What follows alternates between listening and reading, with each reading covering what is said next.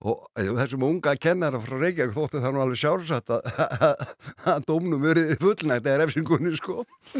Og hann fer með mig upp á háaloft í skólanu, þetta var þryggja hæða skólinu náttúrulega, og þar upp undir rjáfur sko, þar setur hann mig inn og, og, og það var svona saumavélag geimsla og eitthvað svona dót sem var geimt hana og pínu lítið klukki út í veröldina. Og hann bara setur mig þarna inn. Ég næ í þau ég kem úr búðinni og svo læsir hann, en hann glimti mér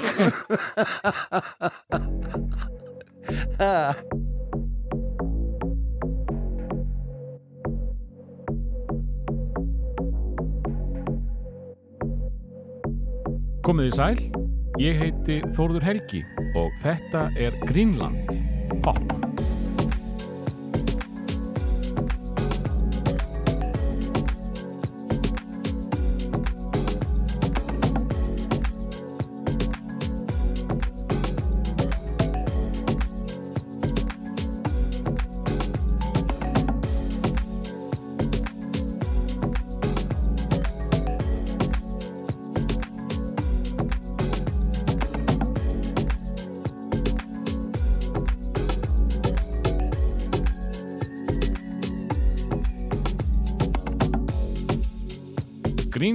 Pop er hlaðvarp sem byggir á skemmtilegri sögum gesta úr þeirra lífi frá fyrstu minningu til dagsins í dag. Þetta er nákvæmlega sama uppskrift og í eldri Greenlandum nema í þetta skiptið eru það popparar sem að segja sögurnar.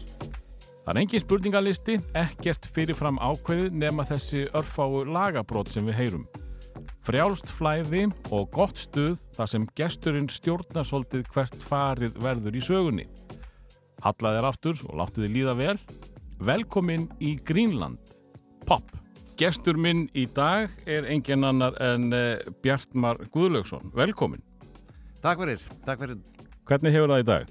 Ég hef það bara ljómandi gott, það er ekkert annað í búði Nei, það er indislegt að heyra. Það er ekki þetta að bjóða upp á neitt annað Uh, þinn ferill sem tónlistamæður er vantarlega mun lengri heldur en margir hann úti uh, telja og vita.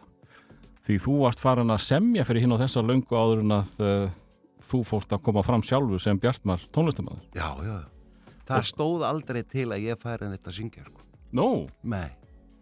Ég var höfundu fyrir aðra og 1977, það eru 44 ástíðina, ekki?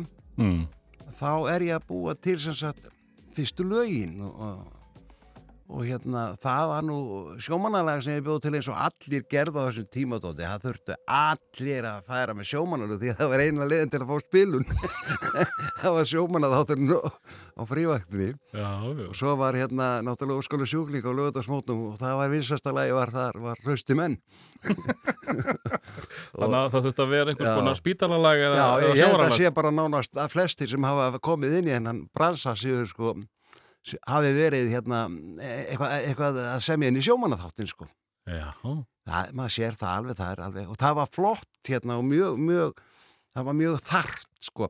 Menn vera átt að segja á því að þegar að ríkisútarpið er bara ein rás bara gufan að þá var sem sagt þá var þessi þáttur, sjómanaþátturinn það voru lög unga fólksins mhm, og, og, og það var, mann og, og, og, og hérna ykkur er slóðið stættir en sko sjómanna þáttur reitt og sér var mjög, mjög sérstak og þáttur og var í viðri viku, þetta er hátegi Og- það, það gekk út á að senda Já, sjómönnum kveðju Já, með lagi. það voru sjómenn sem voru að fá kveðjur að því að við vorum að gera okkur grein fyrir því að, að sjómenn voru svo mikið að heiman Já. langa, langa, langar útivörur Einmitt. Og, og þetta eins og hvíti mávar þetta er bara eins og ástar SMS í dag sko, lagi hvíti mávar og er að senda kveðjun og söknuðin, söknuðin var svo mikill Mm. og þegar ég lí, lítið drengur östur á fáskursjöri að þá fór pappi og, og hans félagar og bræðunir fóru bara suður eh, bara strax til jólin á næst og þeir kom ekki heim fyrir ná vorin sko Já, það er þannig. Já. Og þá fóru þeir að batna sko svona þú veist og, og gera eitthvað. En, en hérna, og fara svona gera ímsa hluti sko hugsa bara um fjölskylduna. Mm. og, og svo hérna þegar þeir hérna eru bara já, í mæ, júni, þá fara það á síldina. Þá er allt sumari farið. Þannig að þá er sko hérna, þá er dótið, þá er haustir svona þokkalegt sko Aha. þá fóru þeir að stunda sjófuglaveiðar og svona pappi minn og bræður hans og Að þú, að þú ferð þangað í, í, í, í benskuna, já, uh, ef við bara byrjum þar. já, Uh, ég að vísu var alltaf búin að sjá þig fyrir mig sem eigamann en þú segir að þú hefði verið á fórskúsfyrði. Ég var sjö ára þegar ég kom til eiga og var þar alveg fram uh, undir tvítugt. Eh. En mannst eitthvað eftir fórskúsfyrði? Já, ég man eftir, eftir sko, árið ég flytt, þá er sjö ára gammal og, og þá, það var sumarið, það var haustið sem ég byrjaði í barnaskóla Mm. og, og ég náði held ég einum mánuði þar, eða tveimur sko. En barnaskóla, hérna, uh, gangan austur á fáskursverið, hún byrjaði ekki sérstaklega því að mamma mín og, og móðir vina míns, þær hefðu lagt alveg stránt bann við því að við sætum saman, Þú og, ég og vinnu minn sko. ok. Það þótti ekki mjög gott fyrir móralinn. en svo komum við náttúrulega heim og mamma spurði mig og mamma hans þá líka sjálfsagt, hjá hverju sittur Akka. Og þá var mórallin búið sko, en við stóðum okkur vel en það var ég fluttur bara mánuði síðan. En, hvað hva, hérna, hva gera litli strákar í svona sveitaþorpi á? Já, sveitaþorpið er bara miklu mm, sko stærra heldur en, heldur en fullótning gerir ráð fyrir því að miðluti þorpsins, það var mitt, mitt hérna svæði Mm. en svo inn eftir og út eftir það var svona sem maður þekkti minna til sko. Framandi svæði? Já, af því að, að því að veröldin er náttúrulega smerri þegar maður er, er lítill sko. Mm og, og, og, og hérna svo áttar með að sjá því hvað þetta er reikalega stórt þegar maður verður stærri sko. En hvað hérna, hvað hérna, hvað voru menn að gera eh, sér til skemmtunar? Það var bara bryggjan og aðalega bryggjan, maður er bara bryggjubann sko og, það var marnútur og það var ufsi og svo sáum við sílinn hérna og ég man þetta er beiturskúr sem að, beiturskúrar sem voru hérna, margir beiturskúrar. Svo þegar kallanir sópuðu sko, í, það var lúa í, í gólfinu sko og þar var síldarhausunum sko, eh, hérna sópa nýr í fjöruna sko. Og það þótti, það var komið hrúa þar en við byðum eftir flóðinu því að þá flætti þannig að síldarhrúan fór á kaf og þá var árasinn fyrir utan marbakkan sko og- inn. Og það var bara að vera að fá að sópa í, í, í, í lú- lúuna og þá sáum við fiskan alla veiða Mm. og bara prakkarast og, og, hérna ymmislega fleira. Svo bara þegar ég er aðeins eldri sko, ég held að við verum bara sumari eftir fermingu sko þá fer ég bara austur og, og, og hérna og fer að, að býja bara hjá, hjá föðusystu minni og hérna þá var ég bara að vinna í síldinu við vorum að velta tunnum Mm. og, og, og hérna tunnuskipin komu, komu inn sko með hlaðin alveg að tunnum sko Og, og, og, sko, og þarna ung, unnu, sko, kannski ekki bara unglingar, heldur bara börn. já, já, já, já, já svo var það náttúrulega í eigum þegar voru komið þanga sko, þá var bara þá voru börni bara í humar að slíta humar yfir sumari sko. Og, og, og, og ég segi nú fyrir mitt leiti þó maður hafa kannski verið 11-12 ára að slíta humar þá held ég afkostin hjá okkur strákonum sko hafi ekki verið alveg samræmi sko við, við stelpunar allavega því að Nú, það er unnu, við vorum að leika okkur bak við saltbing sko. Það er unnu það voru, voru, voru hérna miklu dugleru og, og, og, flottar og safelsku samari.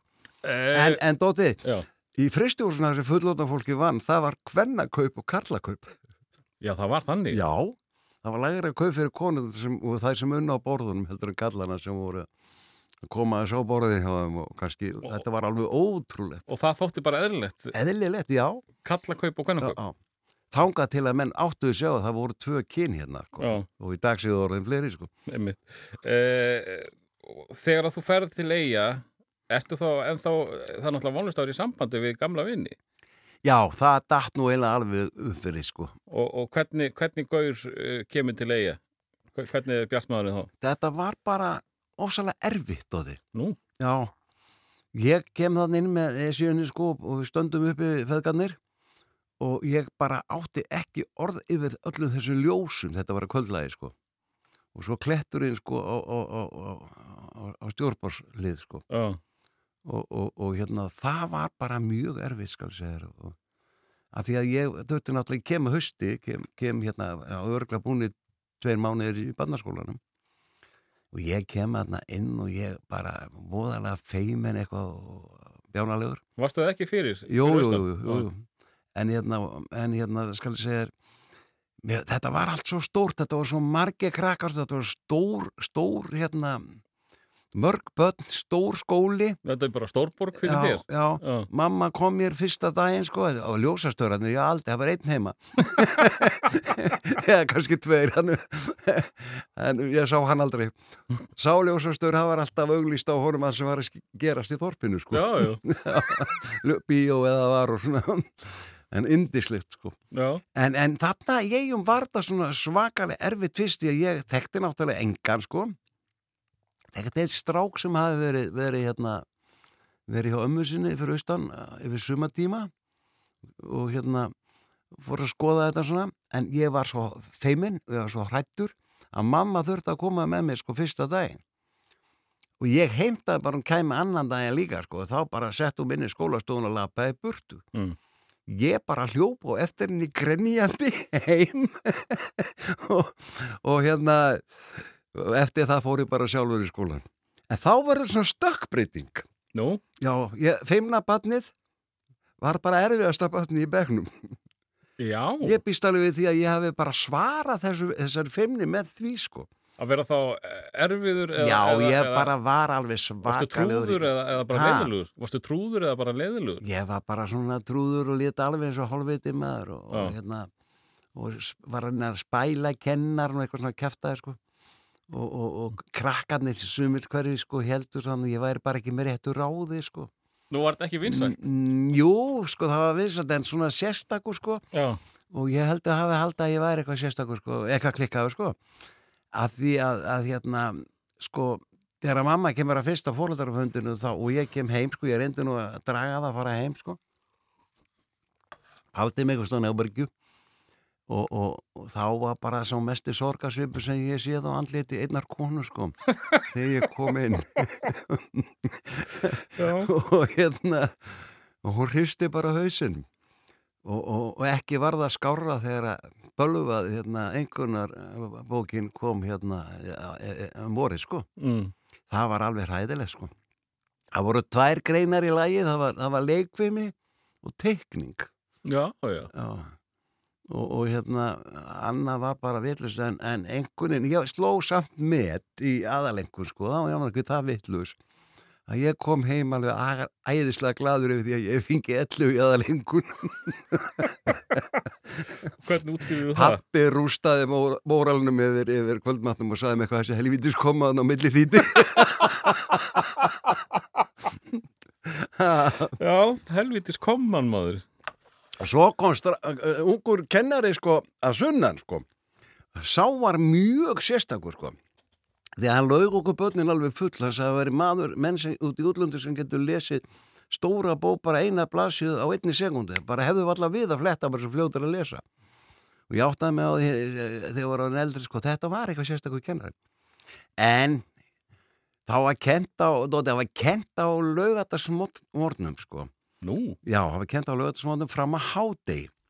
Og þá voru börni líka sko, þá voru na, búðirna líka opnar fram að hádegi. Og við erum þarna, þetta var í fyrsta bekk og við erum þarna börni bara í, í skólanum. Og, og svona, þá segi kennarin krakkar, ég verð að gefa ykkur frí núna vegna þess að, að ég þarf að komast í búð fyrir, fyrir tólf. Þá loka alltaf tólf. Mm. Þá segir vinkona mín hérna einn sem að setna var mjög náinn Bjart var átt að sita eftir að því að hann kom illa, hann var svo óþáður í gerð og svo kom hann og seint líka. Og eh, þessum unga kennara frá Reykjavík þótti það nú alveg sjálfsagt að, að dómnum verið fullnægt eða refsingunni sko. Og hann fer með mig upp á, upp á hérna upp á Háaloft í skólanum þetta var þryggja hæða náttúrulega og þar upp undir rjáfur sko, þar setur hann mig inn og, og, og það var svona saumavela geimsla og eitthvað svona dót sem var geimt hana og pínu lítið klukki út í veröldina. Og hann bara setur mig þarna inn. Ég næ í þau þegar ég kem úr búðinni og svo læsir hann. En hann glemti mér.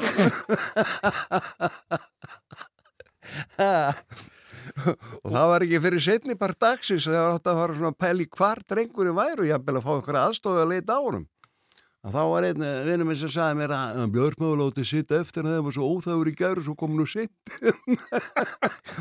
það var komið vel gott fram á sitta þegar ég losnaði úr prístunni Já.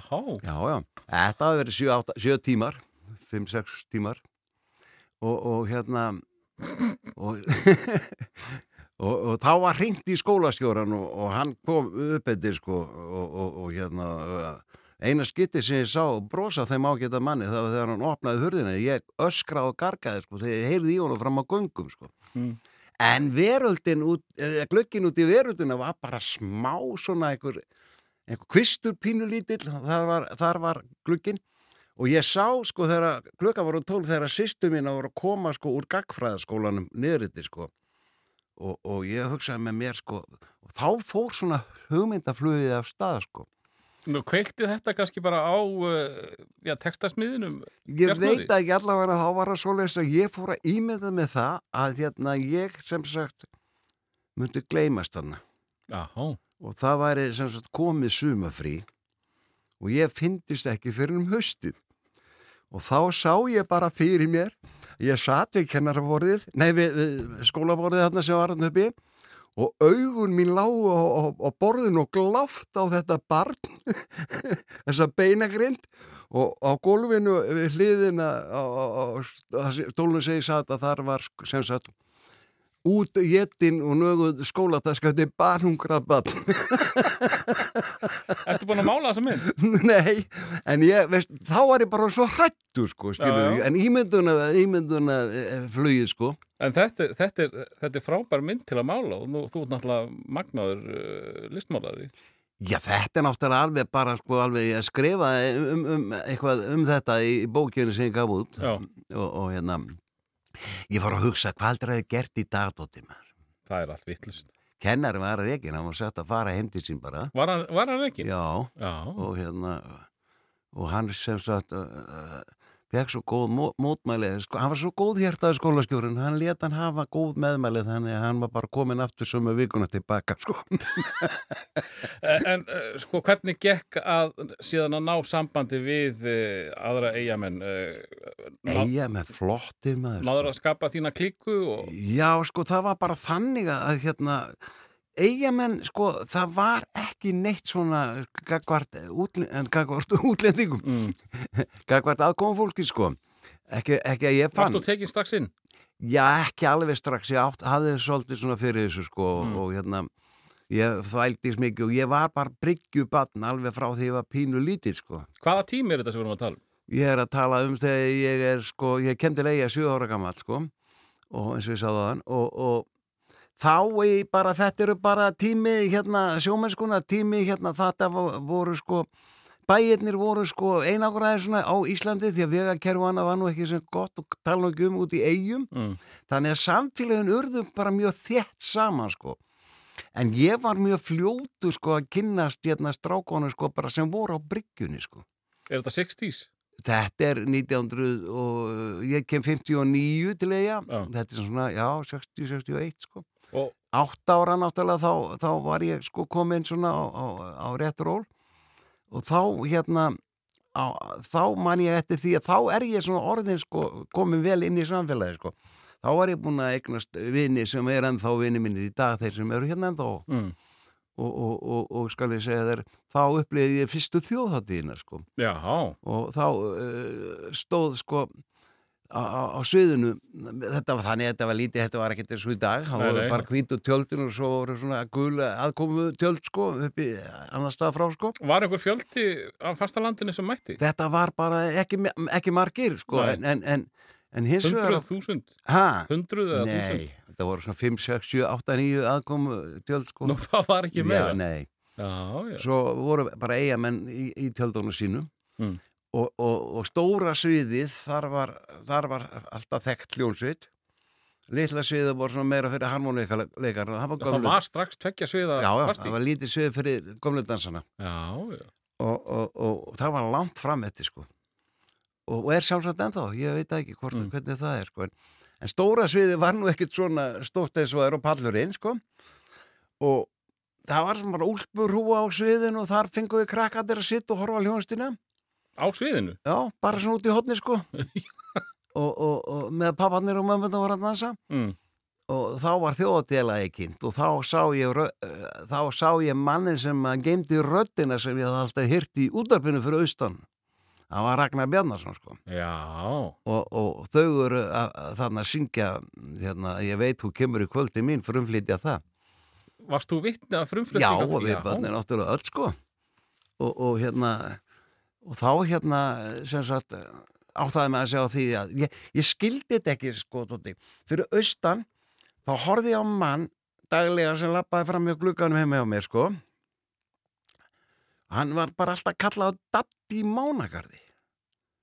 En svo frétti ég það í gegnum pappa að maðurinn í útarpinu sem samti hérna lagið Nú líku vel á mér, Stína var lítið stúlka í sveit, Mm -hmm.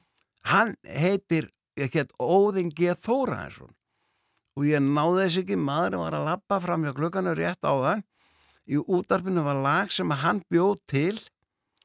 Og hvernig gati óskopunum gati þetta verið? Maður að lappa og samt í útarpinu að búa til lag. Og ég, ég náði þess ekki sko.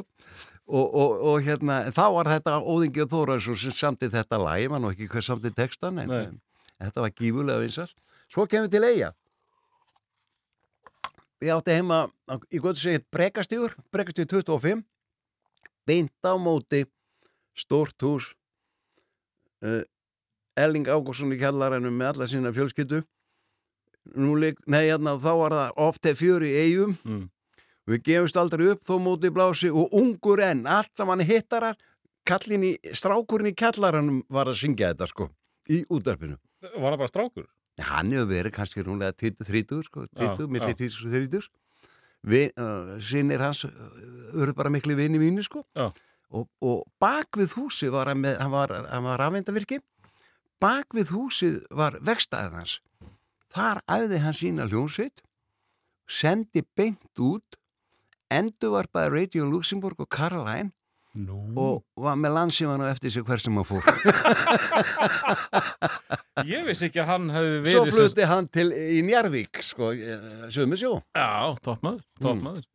En, Þegar ég leit vestugutuna þá svo að ég fallet hús þar þar átt- átti Otge Kristjánsson heima já, já, sem var hann samti náttúrulega öll þessi fallegu lög jú, jú. Uh, neðar í göttunni uh, nummer 12 þar bjó vinnufélagi hans pappa eftir að hann kom í land og það er sá maður sem hefði hvað mest áhrif á mig svona, til uppalega, er? Sigmund Jóhansson hétt hann og var teiknar í morgunblæðinu áratugum saman sko Já, já. og það byggðu allir, allir mokkakauputur eftir að fletta upp á Sigmund sko Mm. og það þekka hann allir sem eru komin í svona þokkalega til ára og, og hérna hann var að vinna með pappa og ég var alltaf, hann var svo fljóttur að tekna, hann var alveg ótrúlegt hann náði andlitunum strax sko skóptegnari og ég fer eitthvað að herma eftir honum.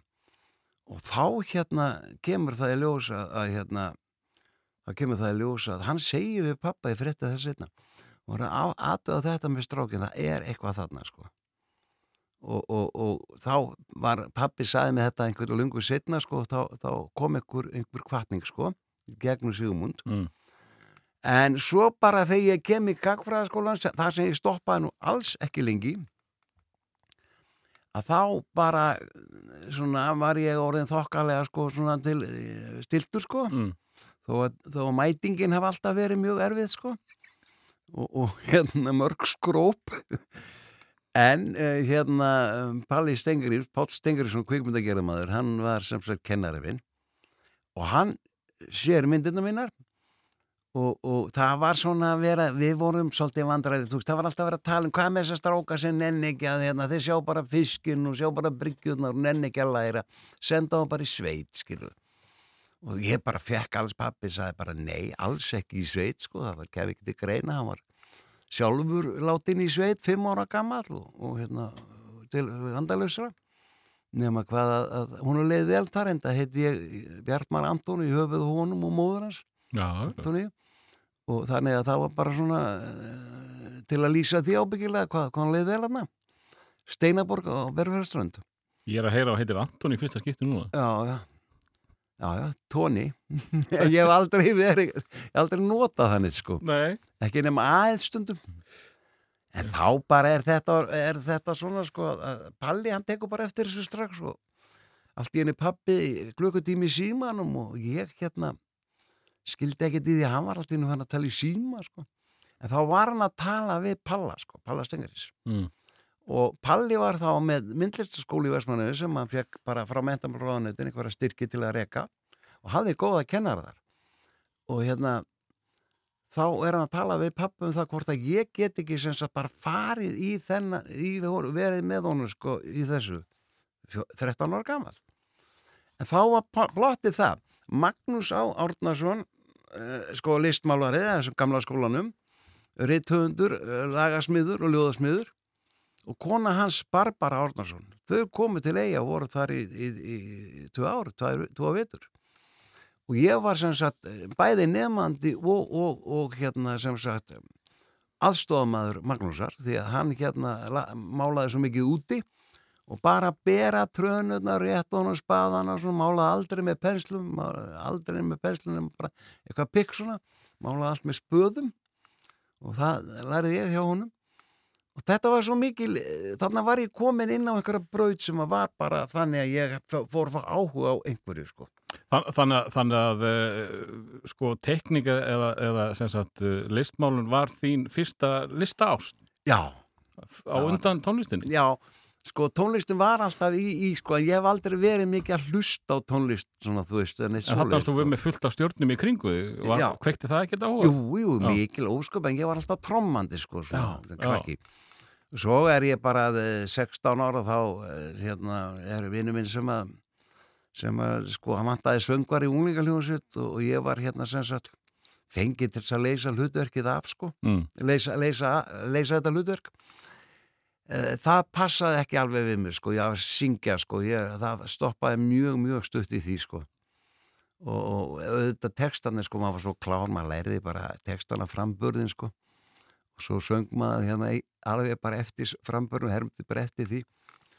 Og, og það var einhver sem segði með mig setna mikið, djóðall, varstu þú góður í ennsku Björnmann? Ég var ekkert að skilja eitt eina stór sem var að ringa Var það ekki svolítið algengt á þessum tíma? Jó, mjög algengt oh. og svo bara hérna allt í einu þá, þá hérna, ég var alltaf að stelast í trómmunar sko hjá trómmuleikarannum og mm þá vissi ég alveg hvað var framöndan og fljóðlega þá stofnum við bara rockljónsitt, hörgu band og... Áðurum við, áður við gerumst unglingar með Bjartmari uh. langar með að kanna er eitthvað svona badnæskulag sem að þú mannst eftir, eitthvað sem að uh, minniði meirinn önnur lög á badnæskuna Ég tárast alltaf þegar ég heyrði blátt líti blómittir söngur villi andarinnar Rasmus í görum og, og hérna þeir móðum að það var færisk. Já. Rasmus í görðum og, og, og svo bara eh, öll þessi lög. En allt sem að Ragnar Bjarnarsson söng, það fór algjörlega inn því að það var eitthvað í röttinni sem ég fannst alveg sko æðislegt sko og á þess að gera mig grein fyrir hvað æðislegt var fyrir bara setna mm. og, og þetta nýttist mér vel þegar ég kynnist Ragga og hérna þarf aðeins að vinna fyrir hans sko Ef, ef við spilum hérna eitt lag sem er svona badnæsku lagið, hvaða lag skilti það vera? þá er bara best að taka óðingið þóra eins og fyrir, hann nú liggur vel á mér. Sko. Glæsilegt.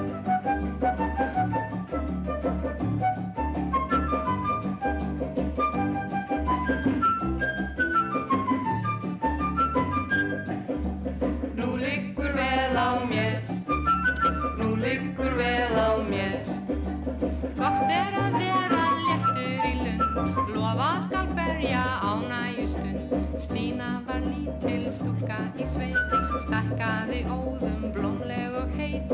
Hún fór að vinna, var margt að gera, lærði að spinna, látum það vera. Svo var hún úti sumar og haust, svona var lífið strit enda laust. Samt gatt hún Stína, söngbana sína, sungið með hári raust. Nú liggur vel á mér, nú liggur vel á mér. Gott er að vera lund, lofa skal berja ánægjustund. Nú liggur vel á mér, nú liggur vel á mér. Gott er að vera léttur í lund, lofa skal berja ánægjustund.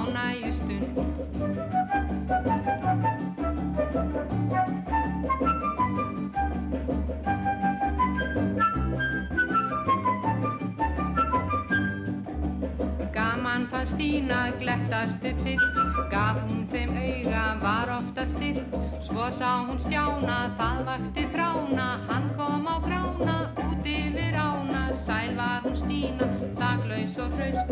Svo fór hann burtu, koldimt um haust. Samt gat hún Stína, söngvana sína Sungið með hári raust. Nú liggur vel á mér Nú liggur vel á mér Gott er að vera léttur í lund. Lofa skal hverja ánægjustund Nú liggur vel á mér. Nú liggur vel á mér. Gott er að vera léttur í lund. Lofa skal hverja ánægjustund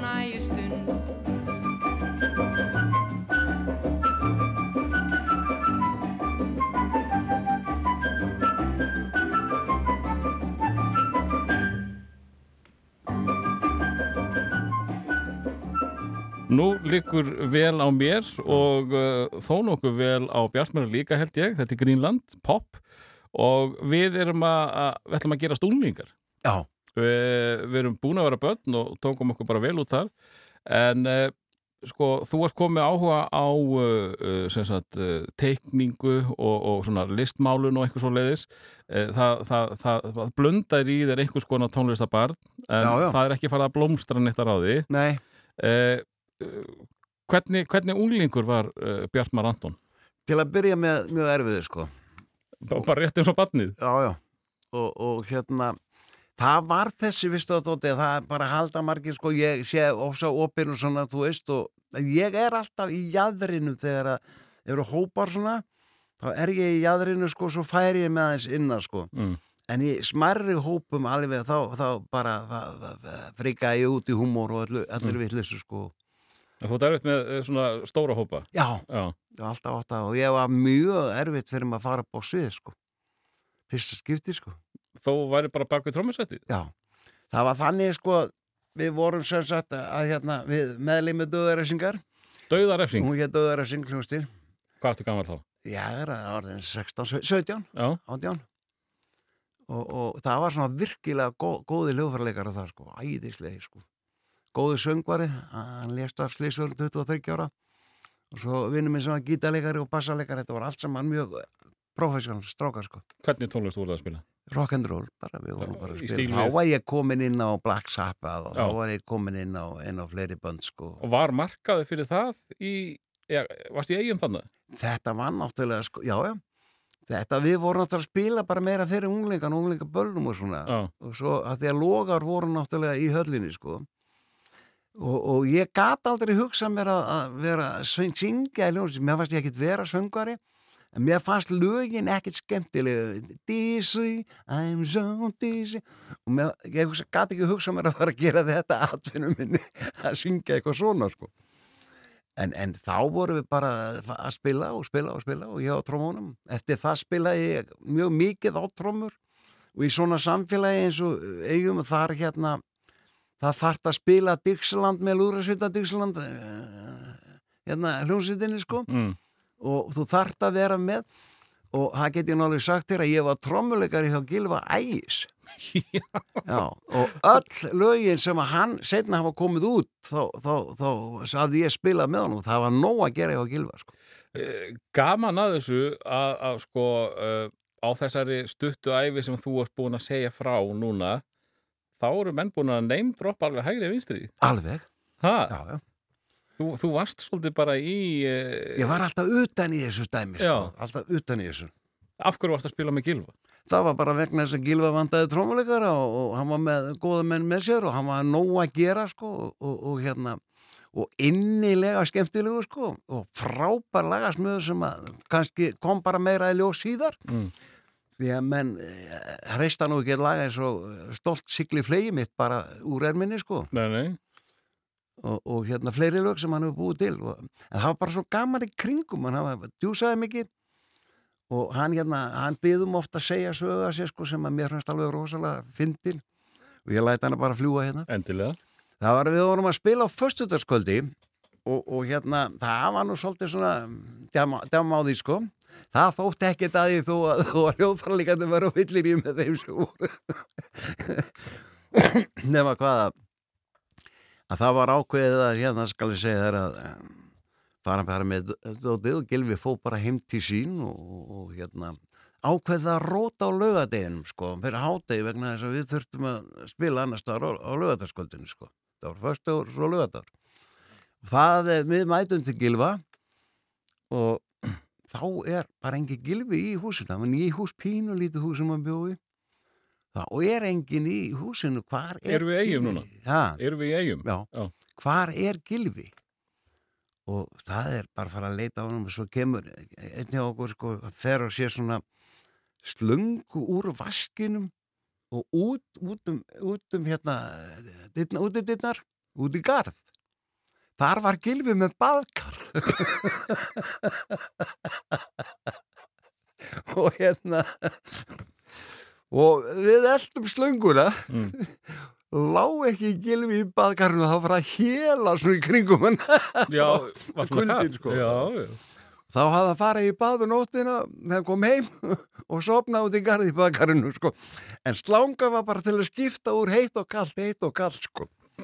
En þetta var svona, uh, svona frosttóltuðu nóttina og hann fröðs hann og hann er búin að hlæja að þessu mikið og segja mér, ég þurfti að segja þessu sögu fyrir hann í fyrir þrem, fjórum árum síðan sko. og hann var eindislegur í gilvi skemmtilegu sko. En uh, en þá var hann djúsandi, ég held að hann hafi verið miklu skemmtileg hann djúsandi sko. Já, það. Já. Já. Uh, varst þú djúsari? Ég þurfti að hætta að djúsa dóttir mér langt fyrir aldur fram sko. Já, já.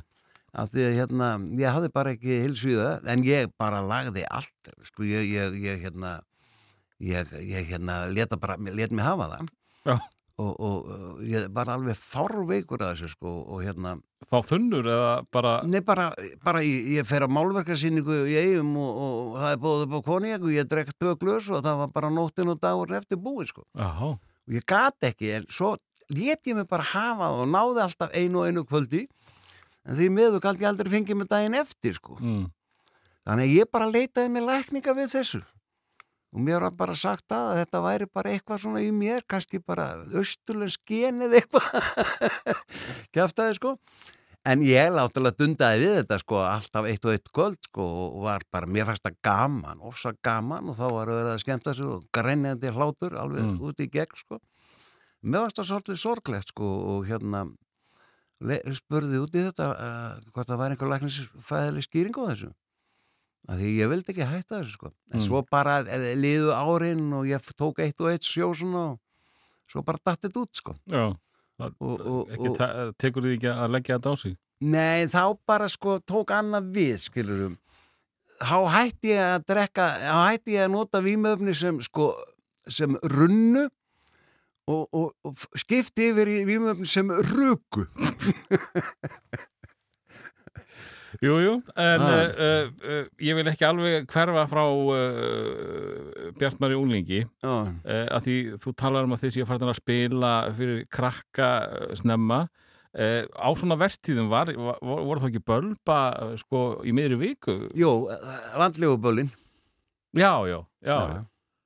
Og þannig að það var alveg slætt að gera fyrir já, hljómsveitir já, já, í- ég var nú ekkert í spilað svoleið sko, þetta voru logarnir sáum og ég var, ég held ég að veri bara stoppað eitthvað mjög stutt þar sko. Mm, ég fer bara til eh, Reykjavíkur um tvítugsaldurinn og var mjög ungur pappi sko. Já, og, og, og, og, og hérna og, og þá var bara að reyna að gera eitthvað svona að viti.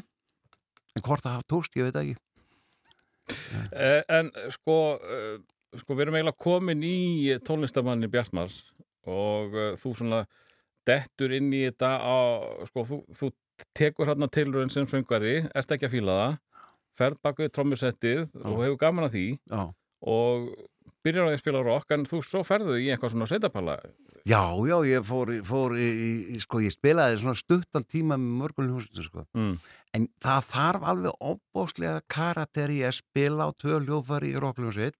Það er trommunar og bassin. mm, Þetta, ef það er ekki lægi, þá, þá, er, þá erum við ekki í góðum málum.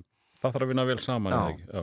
Ég var ekki þessi maður sem að gæti verið svona stabíl á trommunu, sko. Ég var komin með hugan eitthvað allt, allt, allt annað. Og, hérna, bara hætti því svona, en spilaði nokkuð mörg ár, sko. Mm. Já, já, var alveg skamlust trommari til þess að gera, sko. uh, en uh, hver að fyrir að semja? Vistu að, að ég er búin að semja sem var bann. Ég, hérna, ég hugsaði bara ljóðrænt, sko. Já, Og það var þannig, sko, að, að heima hjá mér, sko, pappi minn eh, kemur og fjölskyldan mín, föðu fjölskyldan, kemur úr Suðusveit. Það sem að, að bara var, var bara mjög mikið um ljóðækja skáldskap og annað þýlíkt. Og svo bara voru þetta menn sem að, hérna, sem töluðu bara í vöndnumáli nánast og, og, og, og, og, og, og hérna það var sem sagt uh, frændi minn Brynjólfur Einarsson hann var suðusveitungur hann ekki hérna átti heima rétt hjá okkur í eigum og kom gerna bara á kvöldin svona um áttaleiti sko, þetta er, matinn sko. Og, og, og fekk sér svona kaffi og síkó og, og hann talaði bara í ljóðum sko. Já, já, hann var, var skipasmýður skipasmýður og þótti það töff? ha, Þótti það töff? já, ég veist, mér fannst það. Já, mér fannst það. Þá reyndi ég sko að fara svona út í hotn og láta voða lítið á mig bera svo þetta yrði nú frjálsara hjá fólkinu sko. Og þeir voru að tala svona, þeir bara töluðu í ljóðum í ferskeitlum aðalega sko. Einhver sem sagði eitthvað við einn og hann svaraði svona og svona. Þannig ég fer að, að, að einhvern veginn að hugsa svona í ljóðrænt og reyna að, að mynda einhverjar, einhverjar sko mynda einhverjar svona vísur mm. og, og það var einhvern veginn svona bara mjög snemma, mjög snemma og, og hvað, var þetta þá bara í haustum aðra eða skrifaði þetta niður? nei, ég gerði það nú ekki sko Nei, en, en nema nokkur sko Mm. þegar ég er svona 11-12 ára þá er, þá er sko opbáslega mikil fátækt í heiminum hungusneðar Mm. og ýmislegt fleira og, og hérna þá sko fór eitthvað að stað og ég var svona 11-12 ára þegar ég samti vísu sem enn þá lifir. En þú semur vísu kannski 11 ára, 12 ára þá ert ekki að semja vísuna. Hugmyndin er komin. Mm. línutnar og langar og mikil og margar samtengingar og annað þýlik sko. Og, en rýmið svona þokkaleg sko. Svo þróaðist náttúrulega þessi vísa með mér og þegar ég er orðið 16-17 ára þá eru full búinn sko Já, þú varst að vinna í allan já, tíma alla tíma sko Já. þú veist og, og þá er hún full búinn og, og ásættaleg sko fyrir mér.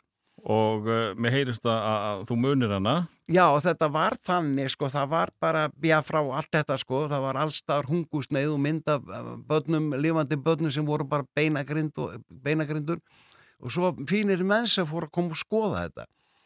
Og þetta var einhver ráðstefna vegna þessara barna og vegna þessara þjóða og ég sá mynd í morgublæðinni eða þjóðvílarni, mann nú ekki hvort það var, það var bæði blöðinni giftið með mér, ég, það var stjórn og stjórnar anstæða þar við eldspórið og, og, hérna ég fer sko og sé þessa mynd til ég bara stráku lítill og þá fekk ég hugmyndina að, ljóðinu, eða vísunni og hún þróaðist og heiti Matala rástefna saminuðu þjóðana Ok, Við kræsingarna borð þeir sitja í hóp og þykjast kanna hvernig öll þeirra orð metti miljónir manna.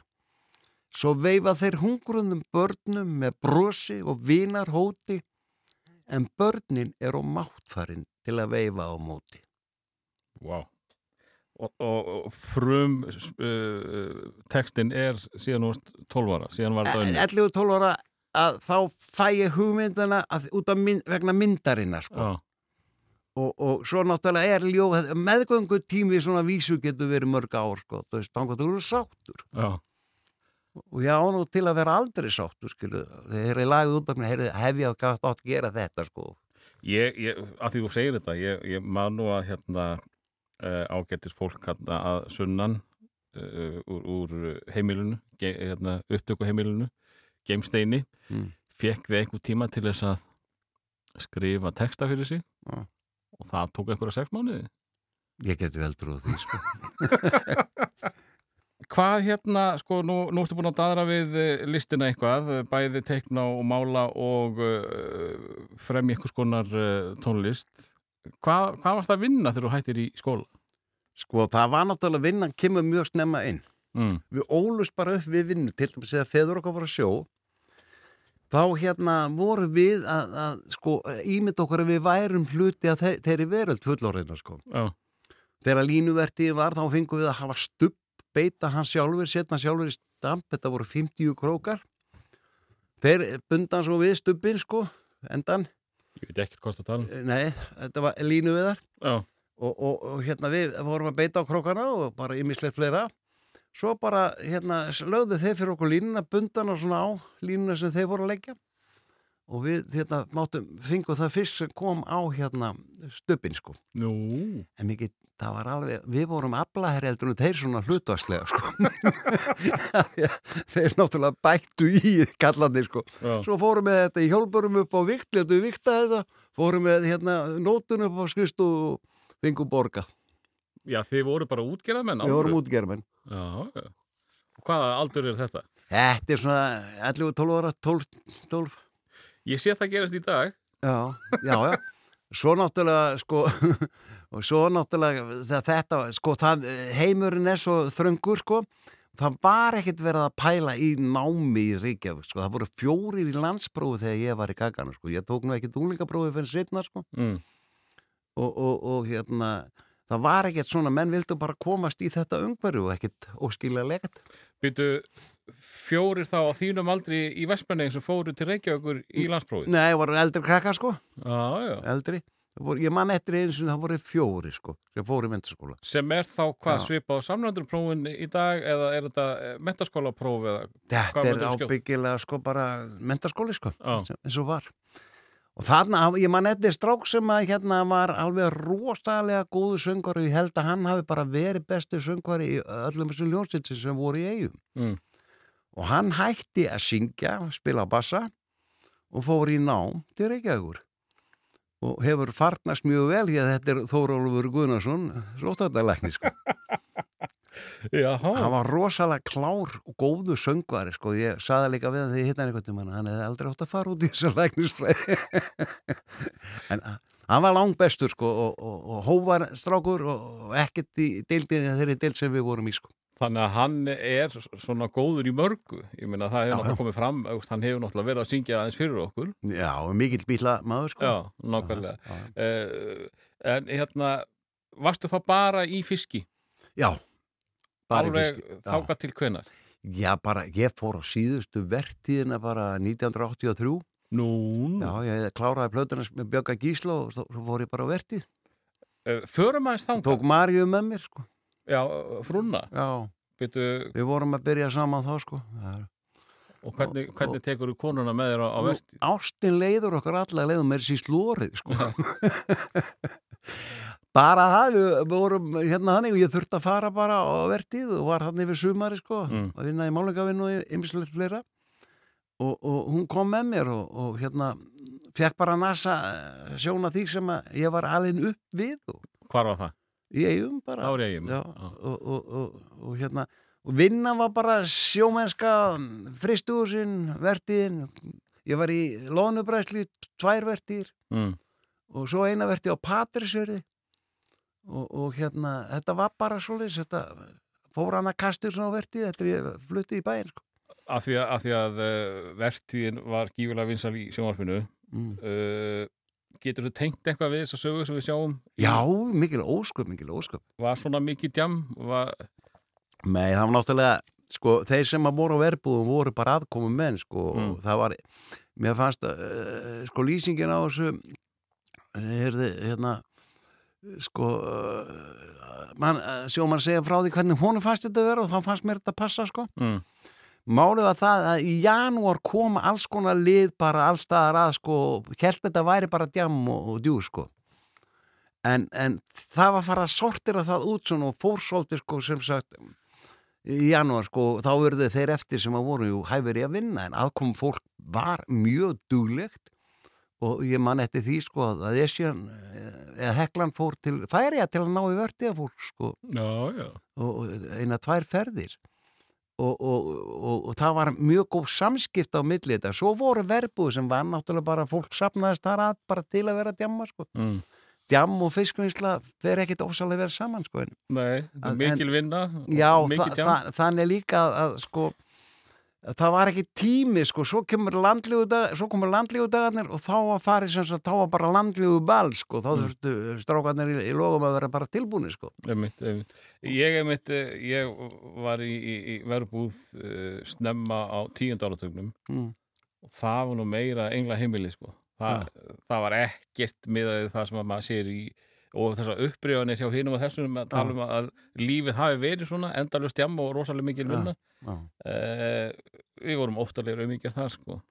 Já, það er sko, málið er það að ég held að þessi mynd hafi verið ykt, sko, skilur og, og Já, það er Það- margir sem koma fram núna og segja að það er ekkert íkt Nei, en myndin í sambandi við verbúðuna, sko, verbúðuna voru bara bygg, byggðust upp á aðkomu fólki, skilur.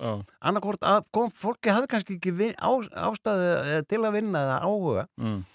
og, og, en svo bara aðrir, flestir aðkomen voru bara alveg, og aðkomu konur voru bara mjög duglegur keldur sér svolítið upp og það hafði aldrei verið hægt að halda þessu sko svona gangandi vertíðalífinu nema það hefði komið aðkomu fólk og, og flesti mjög góðir, sömur eru svo eftir og eru en svo fyrir austan, ég voru fyrir austan þá fóruðu kannski til eiga og eruðu eftir og eruðu svo fjarlægi fremdur út úr því Já. og uh, að því þú fórst aðeins í, í textagerð hér áðan Mm. og þú byrja mjög snemma hvenar hætta þetta að verða vísur og þú ferð að búa til einhvers konar uh, uh, tónlist úr því hvenar ferð að söngla vísurna þínar Mástu hvað gammal þá? Já, já, ég, það, ég var orðin bara, sko, ég var orðin eh, komin yfir til, ég var búin að semja alveg óskaplega mikið að ljóðum, Já, þú varst í ljóðum bara Já. hardcore. Já, Jaha. sem ég á en þannig þá skrifaði niður og hef ég jafnvel hugsað mér að gefa eitthvað tímann út, sko, Það er nú magna og unglingaljóðin og alveg fram með, og ég er, hvað, 20 og tekja þryggja ára, þá fer ég bara að semja fyrir sjálfa, mig skurðu. Ferð þá loksins að Já, já. uh, spila á gítar eða að, Já, sko, málega, ég, ég gerist trómuleikari, sko, á Pólsvelli hjá einum af logamannunum, Helga Hermansinni, uh er þar í tæft ár eitthvað leis og var að spila með hann og ég fyrir að fykta á, á gítarinn hans sko. Og þá kom fyrsta lagi 1977 og það var sjómanalag sko samiðu kólsvelli sem er eiginlega einu bænum sem er ekki með Já, höf og ég tók bara E og, og, og og, tók Hásið að vandar og bót. Hérna En það, það er samt sko uh, textin þar mm. er rosalega mikill bjartmar. Já, já, þetta er, Þetta er rosalega mikið bjartmars lag og það er bara fyrsta lagið eða hvað Já, já, fyrsta lagi sem ég samti og fyrsta lagi sem ég söng sko. Þú söngst þetta á böllum? Nei, mál, já, ég, nei, það var helgi sko. Já, það var rosalega vinsalt hjá okkur hljónstinni Glitbrá á böllum og það var til dæmis það var orðið þekkt á þessu sveitaböllum sko, fyrir austan, minni hús þá mm. og, meiri svona námdi í hverju. Og ég man eftir að 1976-77 þá, þá voru við að spila á 11 réttaböllum, það var bara, það var bara plakkat sko og þetta var allt saman lokal og, og svo var náttúrulega lapp í mánum hinnum megin og átti, átti markaðin sko. Mm. og ég var komið þarna úr þungarökkunni í sem sagt í sko, í rockinni í tríó. Og það er nú bara eitthvað skemmtilegasta band sem ég hef verið í sko. Uh, Þetta er sem sagt fyrsta útgáfan þín Fyrsta lagi sem að er gefið út eftir þig. Já. Og uh, ef við ekki að heyra hérna smá Það er uh, vinuðinn uh, Ragnar Bjarnason sem syngur. Þetta er af vísu setni tíma Já. upptaka. Guðmundur Rúnar Lúðvíksson minn, hann, hann hérna söng það fyrstun á plötu hjá sér. Og það var vinsæl það er mjög vinsalt og, og hérna og, og hérna, svo tók Ragnar þetta á dúetaplötunni sinni sko. Og syng þú með hana þar eða? ha, Syngur þú með Nei. hana? Nei. Ég hef bara sungið dúet með einu manni. Og einni konu allavega? Já Pétur Kristjáns. Já, við fyrir þangað eftir. He Jú, jú, svo, hérna svo aðeins. Marja við sungum mikið saman svona, Jú. gerum enn.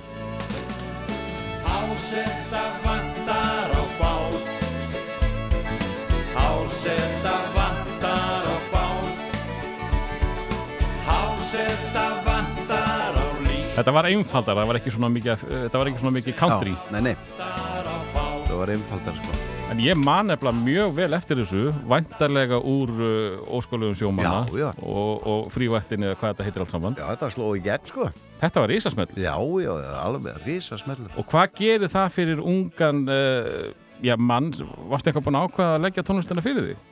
Já, ekkert nema bara að vera trommari en, en svo ég var að hætta því bara líka sko og Þú varst bara, að fara að já, hætta því? og ég var alls ekki á því að hérna fara eitthvað að gera ljóð við lög sko, mér fannst það bara ekkert vera minn tebóli sko.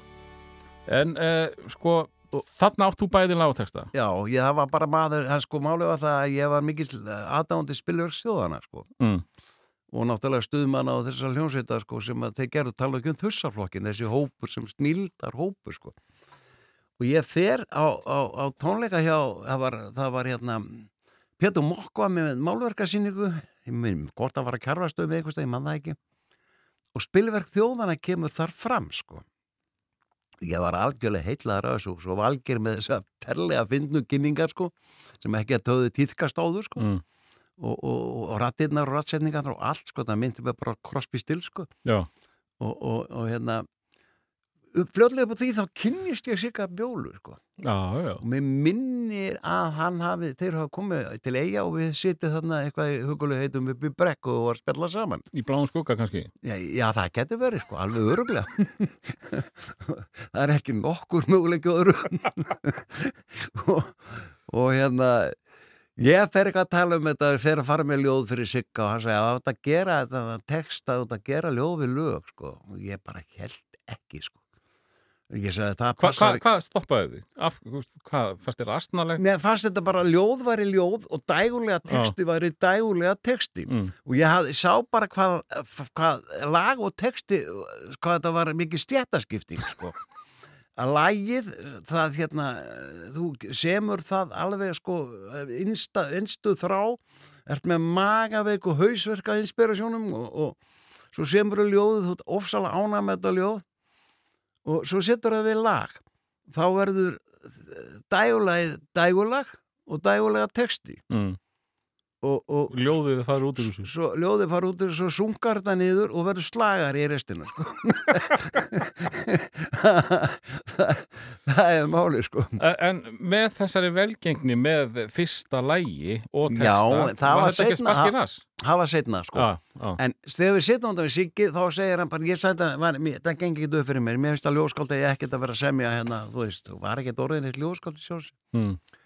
þá segir hann verður hérna eh, verða ljóðin að staði við Stefansson eitthvað verið ljóð þó þessi búið til lag við þau þá fór ég nú að hugsa sko og nokkrum árum setna var ég bara komin í stúdíu með Sigga Bjólu og við vorum að taka upp Plutunars Torkist Ástralsson þess að ég samti textan á henni og Veitu hvað, hérna, sólaplötuna Já, á á puttanum og, og, og hérna, hún var nokkuð vinsalið ekki? Já, já, já, mjög vinsal og gamla húsi sem Ellen Kristjándóttir söng, það var mjög vinsal sko. Hérna, fyrir maður þangað, Mm. uh, þetta, þetta er kringum 80 þegar ekki? Jó. Rétt rúmlega kannski, Já, 81 eða- 82 Já. Uh, hvernig kemst þú í samband við uh, þennan tempógaur og, og útasmann? Hann sko kom austur á, á, á, á land þar sem ég var að vinna Vissan af Og- og þér? Var hann að leita að þér? Nei, sumagleðin kom hann og Já, ég, ég hérna, vissi svona hver hann var náttúrulega og sjónvarpið útarpið hann á því lit og hann var að syngja þetta sumar bara hann að lagið, hann að ég fer í fríið og, Mm.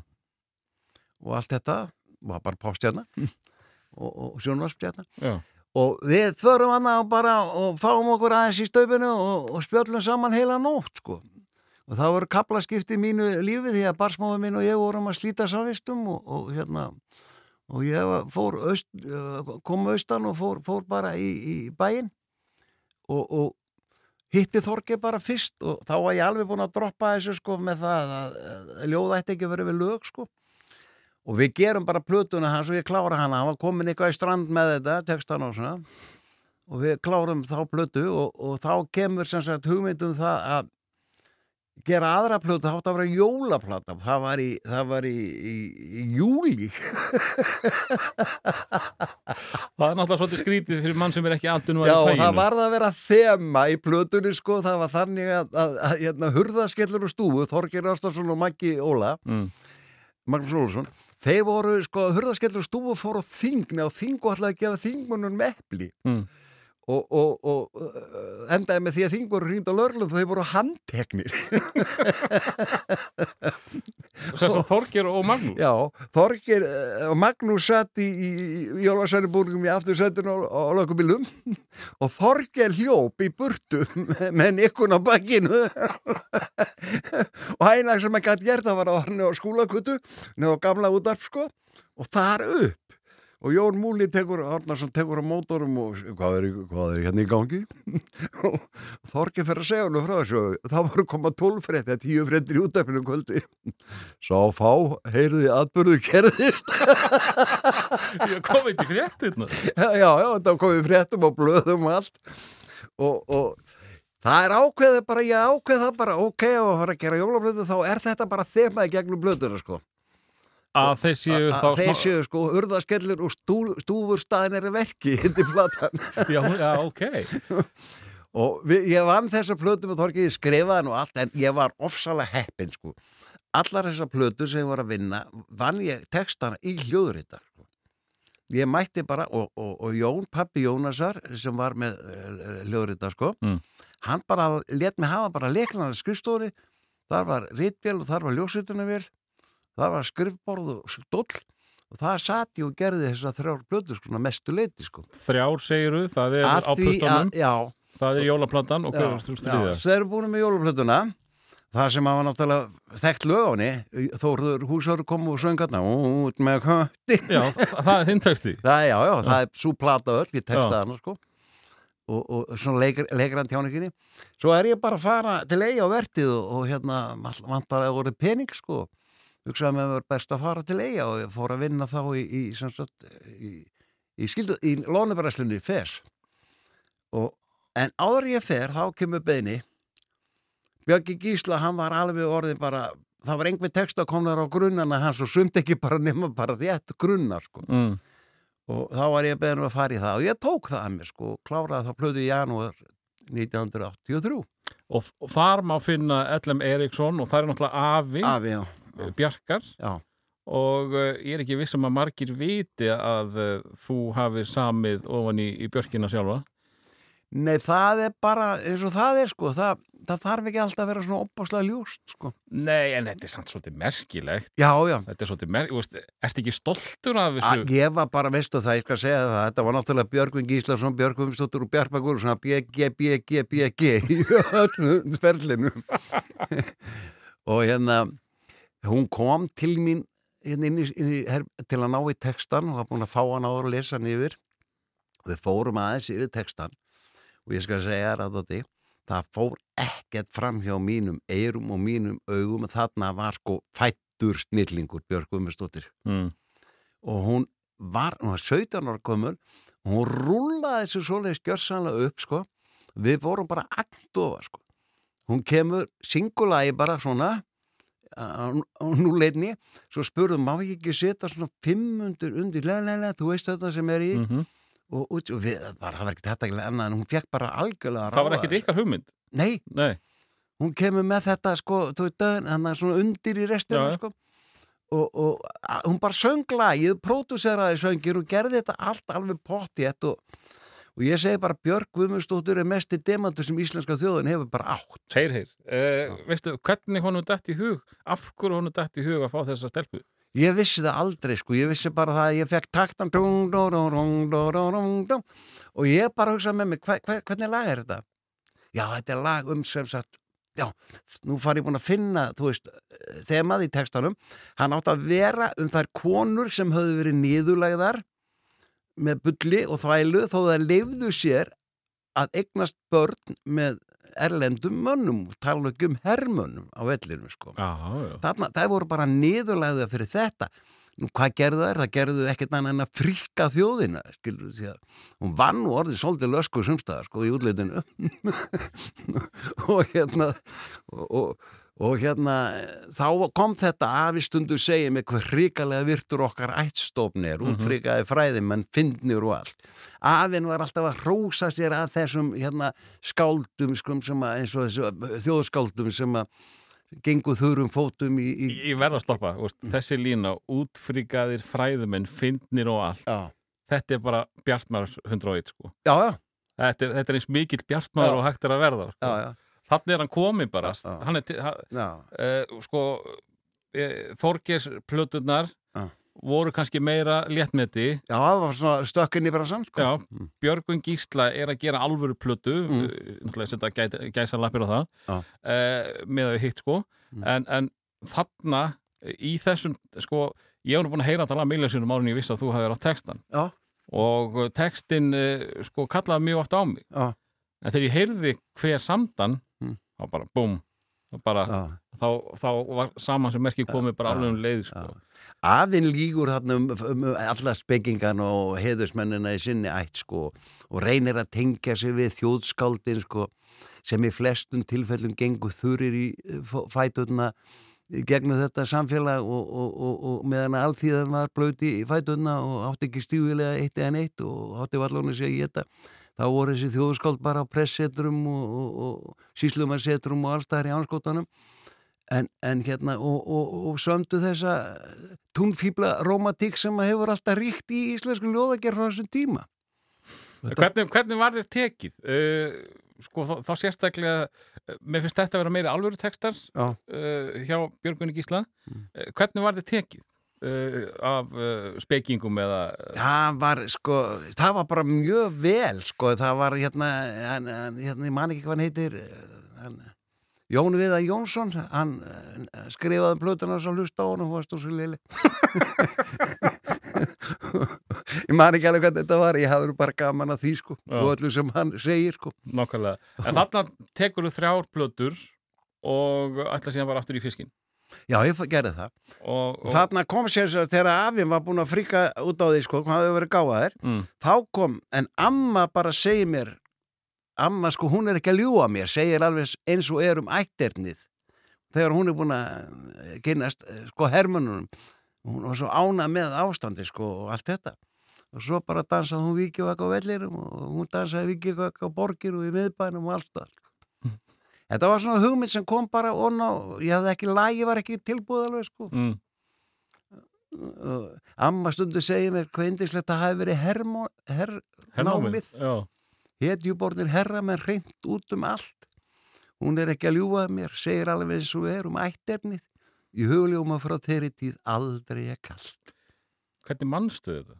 ég hef aldrei notað á t- tónleikum textablaði eða neitt slutt það hlýtur að vera ofsalega góður hæguleiki að hafa af því þú ert með það mikinn katalóg uh, ég bjart með að spila þetta, ertu það bara með? Ég, já, ég man þetta. Já, já, ég, ég hérna, Manstu allan katalóg, getur þú farið í já, já, lag þrjú af, af uh, plötu tvö og uh, sungið það núna? Ég man kannski ekki hvað röðin er á Nei, ef, ef, ég, ef ég segi nafnið á því. Já, ég man það ekki, sko, ég bara já, já, já, það er magna, sko, það er magna Já, ég, ég hef aldrei nota, þurft að nota hérna, textablaða á sviði sko. Já, já, ég, ég, ég geri það sko. En ok, við skulum halda áfram. Þú, uh, þú gerir þess að eða skrif, kannski rétt áður en við förum uh, lengra.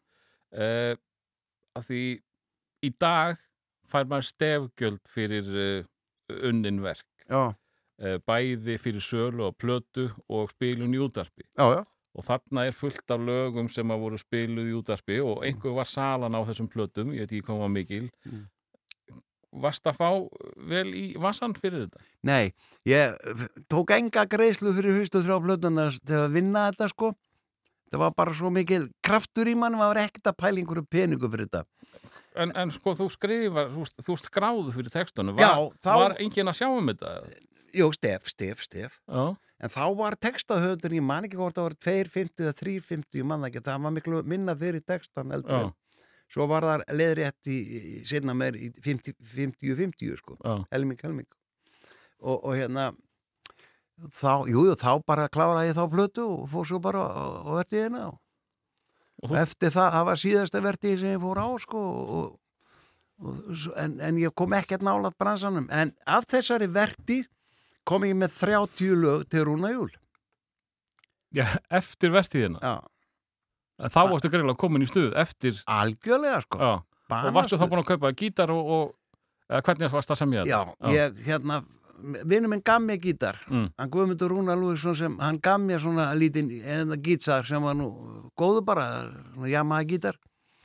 Og let mér bara hafa hann og sagði mér að fara að semja góði vinnir sko. Mm. og, og hérna það er nefnilega málið að, að sko ég var búin að koma með grinda þessum lögum svo bara samtíðu ég var bara með gítarinn frá því, frá því 1977 að ég læriði fyrstu tvö gripur og bjóð til fyrsta lagi sko.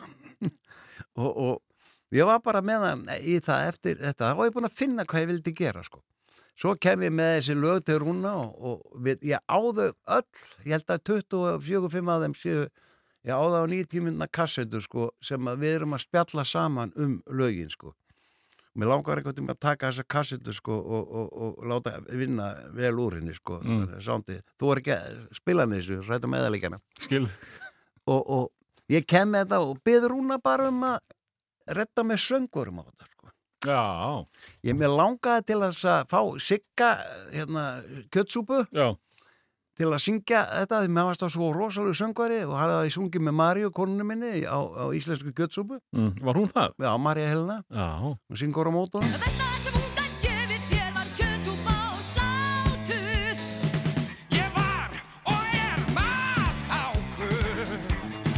Þannig er ég að heyra eitthvað nýtt. Já, hún syngur á mótunum og, og hérna, hún var með rakka Bjarnar líka og bara 19 ára hún byrjaði með rakka og var allir í þrjú ár sko, sungi bakræðir mörgum flutum en annars ég fer í frí og, Nú, nú. og leir alveg afburða músikant, alveg afburða sko, og hérna, það hjálpaði mér mjög mikið sko. og, og hérna Rúni sagði bara að fá að söngar í þetta svo fara hann og, og Þóri Baldursson eitthvað aðeins bakvið og Rúni kemur fram og segir heyrðu, við erum búin að ákvaða það að þú átt að syngja þetta sjálfur ég er engin sagði ég, ég er engin söngvari ég, og hérna Ja, hvað var planið? Ætlaði að gefa út samt plötu sem Ég Bjartmar? nei, nei, ég ætlaði bara að láta hinn og þessu Já, hafa hafa- hafa- já. já, bara að safna þessu samanhanda hinn og þessum, sko. Mm. Og þá segir hann bara, þú, ég segi, ég er engin minn, ég er engin söngvari og, og, og hérna, ég syngi þetta ekki. Varstu þá ekki búin að vera að syngja í partíum? Nei, eða- aldrei. Já, þú varst bara ekki að syngja Nei. punktur. Og hann segir bara, þú syngur þetta, það er búin að ákveða þess að. Við Þóru erum búin að ákveða. Og það er bara fyrsti tónni sem ég er upp, rekk upp í stúdíói. Það var hérna, þau byrjuðu saman í kakvað og ég vissi ekkert hvaða karakter að vera í þessu sko. En það hef ég aldrei kallað mig söngvarðardóttir mín. Ég kallað mig flytjanda á eigin, ég kallað mig túlk, að ég sé að túlka eigin hugverk. Þetta er fyrsta lagi sem þú syngur það? Já.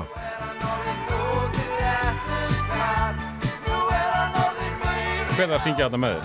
Þorgir Ástadsson og Óli Þórðar sem var í Ríu. Já. Óli heitir Þórðar. Og Rúli. Og hvernig gekk uh, hippin? Hann var bara Mons, hann er bara ennþá í dag.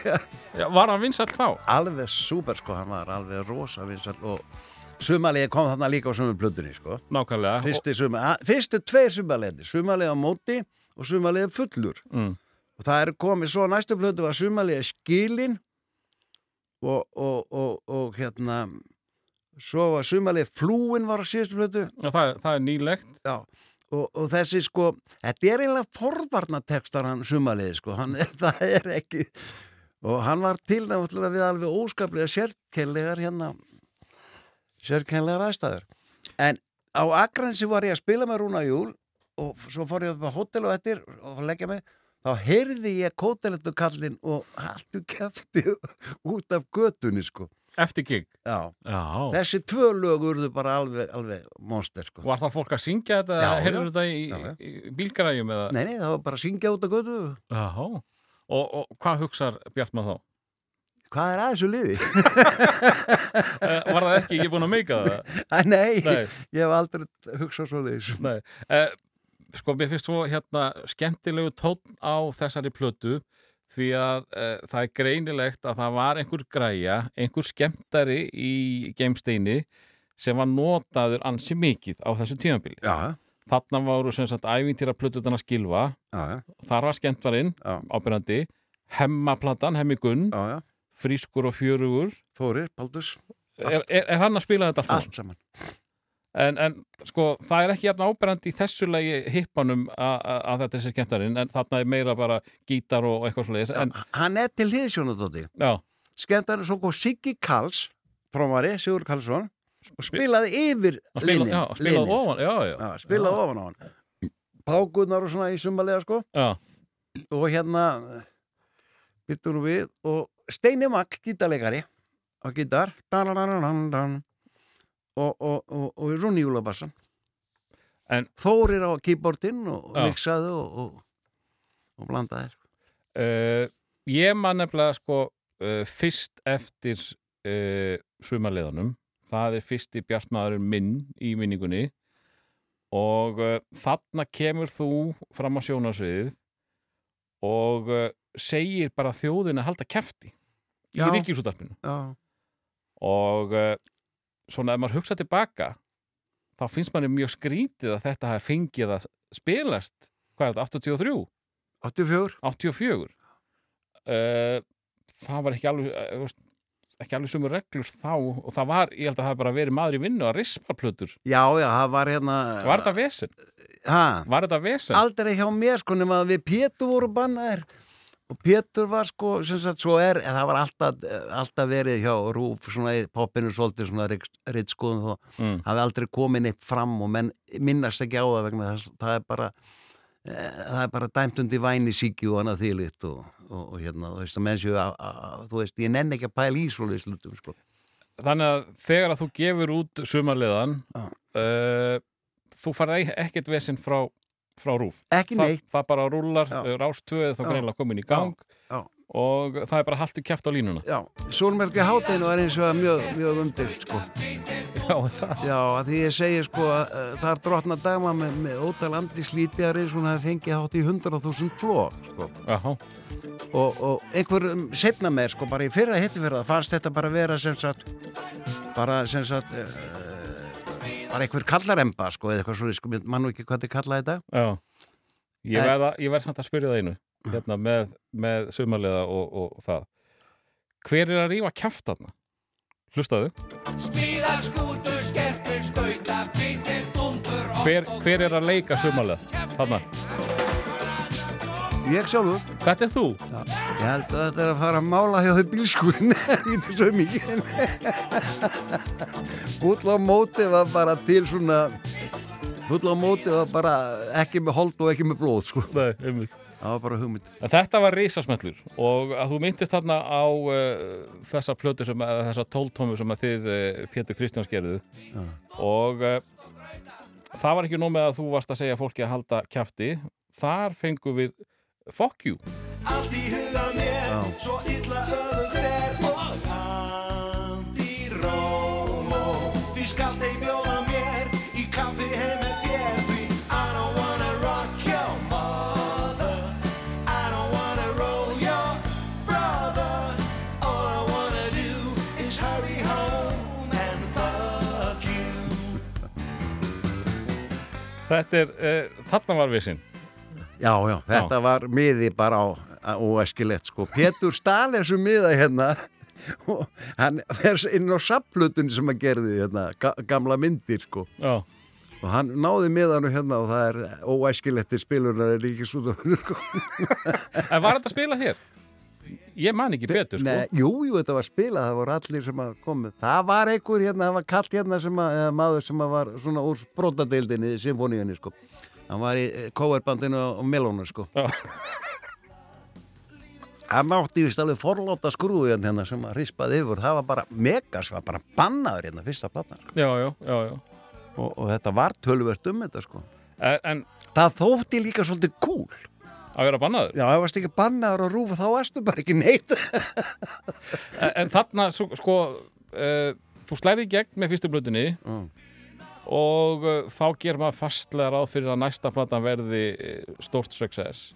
Já. það var kannski ekki eða hvað? Nei, það var alveg alls ekki sko því að, því að hérna það var eitt lag sem við settum, það var svona kartspólu sko sem voru svona stærri gerðin af einhverjum kassetuspólum mm, og, og lagið fór stúdens og hann fór þar inn sko mm. með okkur Pétri sko, duettin sem við Pétur gerum en, sem en, að má finna á plötu 2 já, já, en annað var bara ekki til og auk þessum að platan fór bara hreinlega ekkert á markað.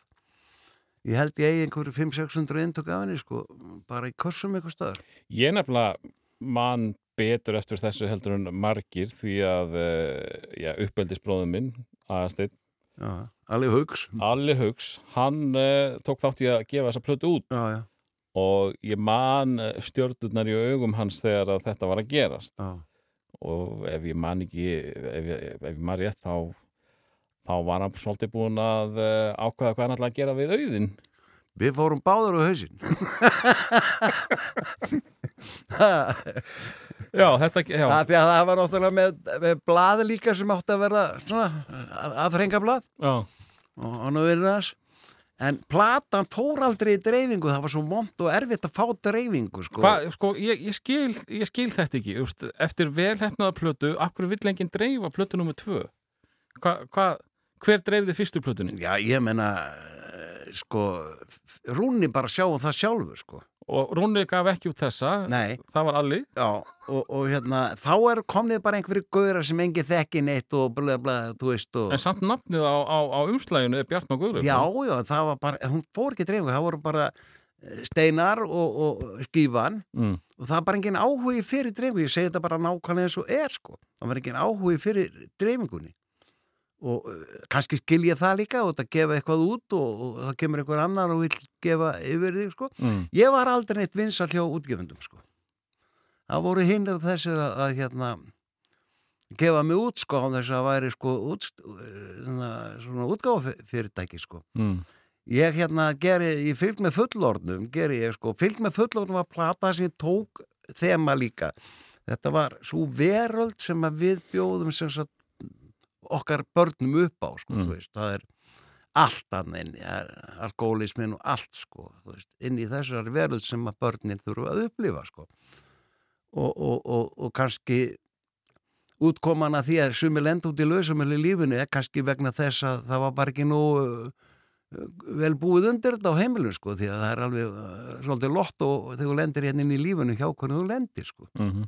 Mm og, og, og hérna opbeldi á heimilum og annað þýli sem að kemur inn á þetta og verður bara að, að, að, að, að verður bara að koma upp og tala um það hvort það er í textum ræðum eða reyti sko.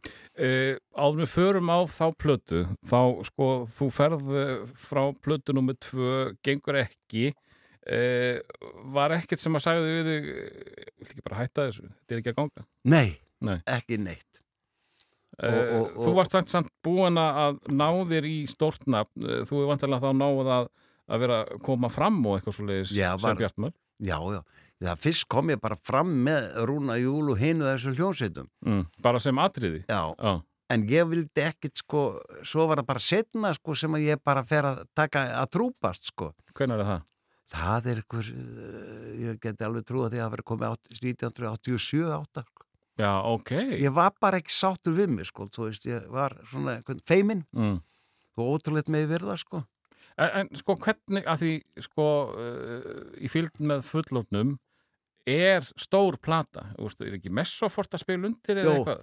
Það er sko, Það kostar nú eitthvað? já, sko, það var steins, steinar sem gaf hann út. Sko. Já, já, Það var þannig við Pétur gáum út fjóralega plötu, já, sem að varð hitt. já, já, Já, og 15 ára föstu var þar inn á og þetta er lag sem þú veist að tala um á fuck you. uh, og, og hérna, já, já. Og, og hann Pétur sko fattar það að það er miklu meira til hann sko, ég ætlaði að gefa út plötu sem heitir Móttorleikum og koma setna út sko. Nema hvað að hérna ég, þetta er bara algjör meðsala, ég man ekki hvort það var 16 og 517 fyrir áramót og svo fyrir jólin sko, og svo seldist hún eitthvað eftir það Svo kom geisladiskurinn. svo kom geisladiskurinn og selða svo fyrstemmi minni sem kom- var settur almennt á markað. Og, og ég fekk bara platínu plötu fyrir þetta, ég veit ekki hvað og hvað og hvað. En hérna við steina fórum að rífast út á uppgjörinu. Mm. og, og, og ég tekka það fram að ég er ekki með neitt sársöka út í hann eða neina sem var hann Jónatan Garðarsson og Pétur Kristjánsson voru hann og það var bara, voru stóru vini minni báðir sko.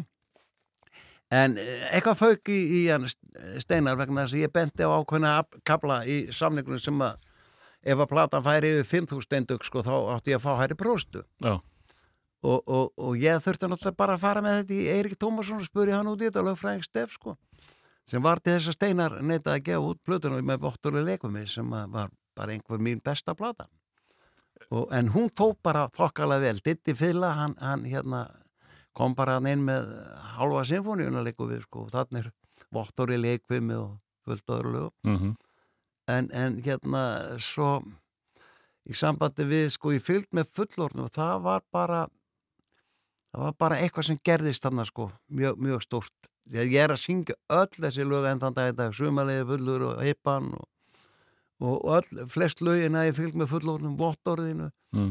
og, og, og þó ég hafi ekki náð alltaf að komast inn í náðina hjá útgefndu sko. Eh, Mér langar aðeins að bakka og, og, og tala um fullónarsplötuna. Eh, þú myndist á það að þú hefði verið með tilbúna vottorsplötuna. Já, Eh, Pétur Kristjáns að beðið um að býða með hana því að já, af hverju? Af því að uh, fylgbeð fullónum var þá svo sterk að hann vildi fá hana frekar eða já sko því að það voru svona lög sem að voru, ég fatt ekki alveg hvað, hvað það var sko en hann, hann, hún, hann taldi þetta verið fyrst, ég var með báða plötuna tilbúin sko.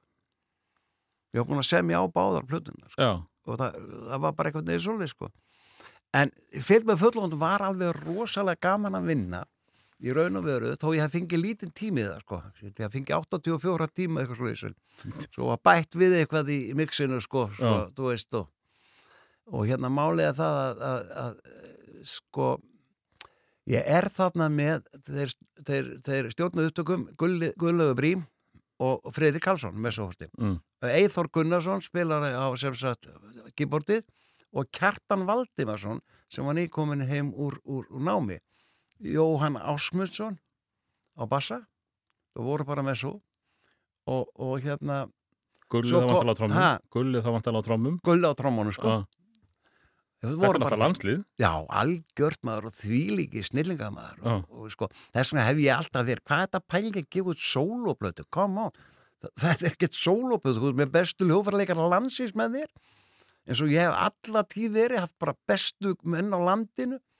En því meður í dag þá get ég ekki eins og monta mig á því því að þetta kemur hverki fram. Hverjir eru höfundar hverjir eru uh, upptökustjórar hverjir spila og hver- gefur út hana til þetta er ekki til að út af nýri, nýri hérna Tekni takni Já, en ég fullir að það alveg er svoleiðis bara kynróða laust að Spotify er að bjarga öllur minni útgáðu sko. nú Já. Eh, Það er svo mörg, marga plöti sem hafa aldrei heist sko. Og eru þær að tikka í dag? Já, og, og það verið að byggja mjög lög sko af, af til dæmis eins og venlegu maður sem var gefin út 85 að vera að kalla þau úr sal og svona. Og, og, og, og til dæmis uh, na, plata sem svo þegar ég gerði í vin- þegar ég var að námi í Danmörku sko. Mm. og segi það bara senna og, og svo koma bara hver platan svona fætur öðrum. Svo er bara, er ekki hættur? Ég nefndi sér ekki er hættur og, og var slasaðist og var mjög illa farin að því og, og, og hérna og gati ekkit sko svona verið að tróða upp og svona. En, en þá er ákveðið sko að fara til Danmörku sko. Ég fer og kemst í nám þar hjá, hjá manni sem ég taldi nú alveg að vera bara rétta mannin sem, sem er rau- raunar var, það var rektor þetta fínska kúksakademi Bente Weber. Og, og þrjú ár hjá honum og þar var bara, hann var bara heimsking, heimspekingur og ekki heimspekingur heimspekingur, þetta þetta er nálægt hinnu já, hann var bara heimsbyggingur og filosófer og, og hérna og kendi málaralist sko. hann kendi bara að vera ekkit svona þetta var svona, hann vildi bara kenna það og lendi náttúrulega í útistöðu við stjórnendur akademíuna þegar átt að fara að koma inn nýjum sko, þú veist nýjum hérna uh, atriðum í, í, í listinni. Og þegar ég fer, við fördi Danmörkur og, og, og bara seldum allt sem við áttu hérna og fórum bara út í nám bæði. Og ég hérna er búin að vera svona þrjár, hálfa mánu þrjár vikur í landinu. Þá ringir Peter Abramsen sem var einn þekktasti útarsmaðu Radio. Og hann var líka með svona eh, norræna pælingar sko. Og hann kemur og spyr hvort að mig kom og spjalla mig. Og hann gerir klukkutíma þátt um sem sagt mig og, og, og, og, og það sem ég hefði gert og svo spjallið sko Mm. tala, tala saman og, og hérna söng gömmu síðar þessi þáttu var svo fluttur í, í DR og hafa svo fyndið að heyra kaffið tröði vorum að gera upp á Jótlandi sko. við byggum, byggum á fjóni og þessi og hérna svo bara ringir hann þremur uh, vikum senna minni mig og spyr hvort ég geti bara hitta hann þá var erinda það að mér bauðst að vera sem sagt meðlimur í samnorrætni höfundaljónsitt og rockhöfunda sko. Já, það var sex mánaða verkefni sko. Og ég bara tók við því og þá var ég að vinna með sem sagt Stefan Sundström sem er sko rock eh, og, og stjarnar í, í, var í, í, í Svíþjóð.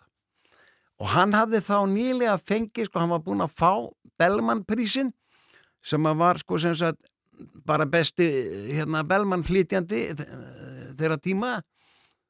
Og, og voru, þeir voru farnir döður hérna eh, Cornelius og allir þessi guðrar. Og það þurfti náttúrulega að vera Bellman eh, vísu kall sem að, er, er það djús á svona. Nema hvað að hann hafði fengið sko rockbjörnin æð, æðstu verðlun, rockverðlun síðþjóðar sko bara sama sumar og við vorum að vinna saman sko. Já, já. Og við, það myndaðist þetta mjög góður kontaktur og, og svo Júhan Jóhansson, producent í Traxton stúdíónu í, í Stokkólmi og ég held að það sé Stikkan Andersson stúdíói sem hann, hann bjóð til sko, eh, smíðaði. Eh, og þar bara ef maður komin í andirið þá bara jálega stór mynda appa það sko. Eitthvað 14 stúdíóaninni, ég veit ekki hvernig þetta var eiginlega sko. Og ég haf bara aldrei komið inn á svona stað. Og svo var hérna Finni hérna og, og og hérna og, og ég fer í Danmarks hérna hönd Danmarks radio sko. Þú fyrir hönd Damarsradio? Já. Já.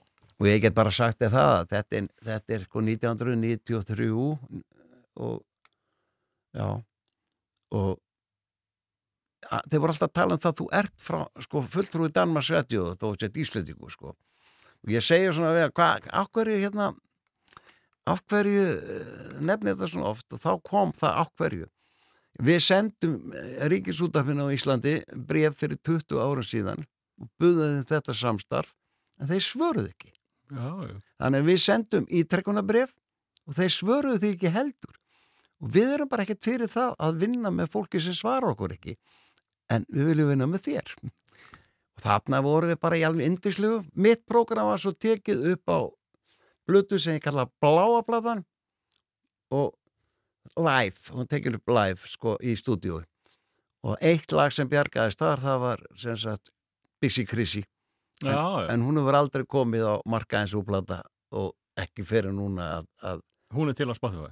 til að Spotify Ég held nefnilega sko þegar, þegar þú sagðir sko Spotify er þá held ég að þú myndir botna að drepa tónlistin. Nei, Nei, alls ekki. al, alls ekki og YouTube sko og til dæmis, já, ég hef bara fundið það síðan sko Ég vil aðeins hérna fara aftur á, á í fylg með Er fullnotum. það minn sími? Getur...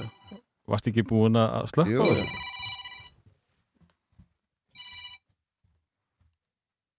Þetta gengur ekki svo Dóti, Já, það er þess að skrepa klósti allt í góðu. Pissa svolítið, sopa Er það okkur ég var ekki að Jú, við ætlum að fara aftur á uh, þess- þessa plötu í fylg með fullnotum því að uh, þar ert þú eiginlega orðin einn vinsalæsti tónlistamæður landsins. Já, ég fekk góða mótugur Já, þú, þú, þú þarft ekkert að reyna að sverja það af því, sko, því þú varst, þú varst að rísastjárna. Takk fyrir það Uh, hvernig var það fyrir þennan uh, austfiska eigamann, móra það þannig?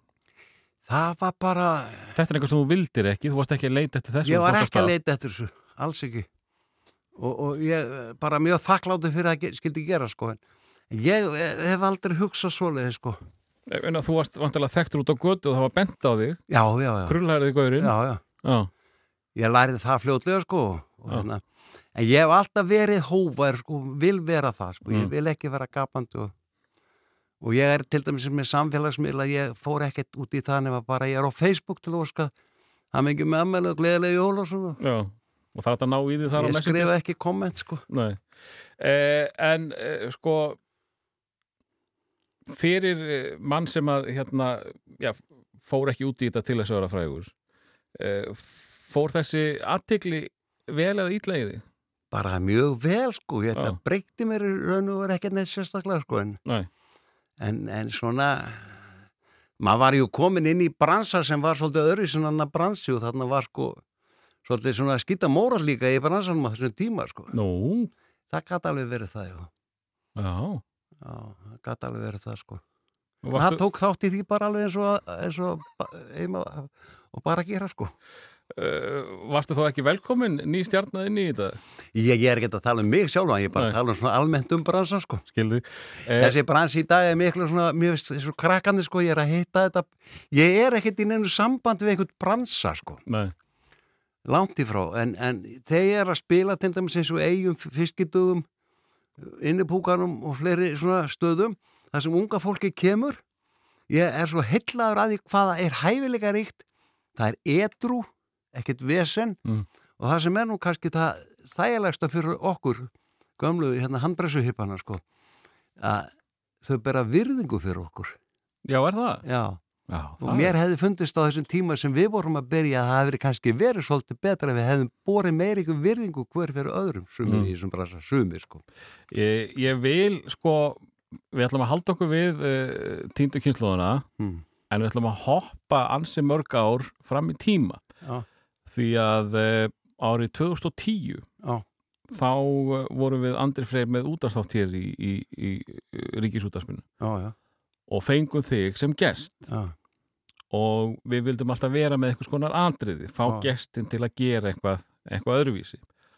Og uh, upp kom svo hugmynd, sveið mig þá ekki bara verið mín hugmynd eða þín, ég manna ekki nokkala það var að heyra hver staðan væri á fólkinu í týndu kynnslóðinni og uh, þú vildi fá mig til að skrifa textan Já, já, já, og ég sendi þér eitthvað, eitthvað dröft og þú sagði, nei, ég skal bara gera þetta Já, veistu það að þessi kapli er bara eitthvað sem ég te- verð að taka en þetta í dag sko. Já, þetta fættist sem sagt í beinni útsendingu þú, þú, þú fluttir þetta í fyrsta skipti Já. í beinni Já. og ég var búin að gera eitthvað skrítið svona techno uh, hérna playback undir það en hér er sem sagt uh, þetta er árið 2010 og hér er staðan á þessu ágæta fólki uh, sem var að byggla munnin og, og, og hvað það var. Og heyrum hérna aðeins sko, ég vil endur taka, þetta var sem sagt frumflutt í beinni og þá, var, þá varstu að, þú varst bara að klára að semja textan þarna, Já, varðilega bara til þarna sko. já, hlýðum aðeins á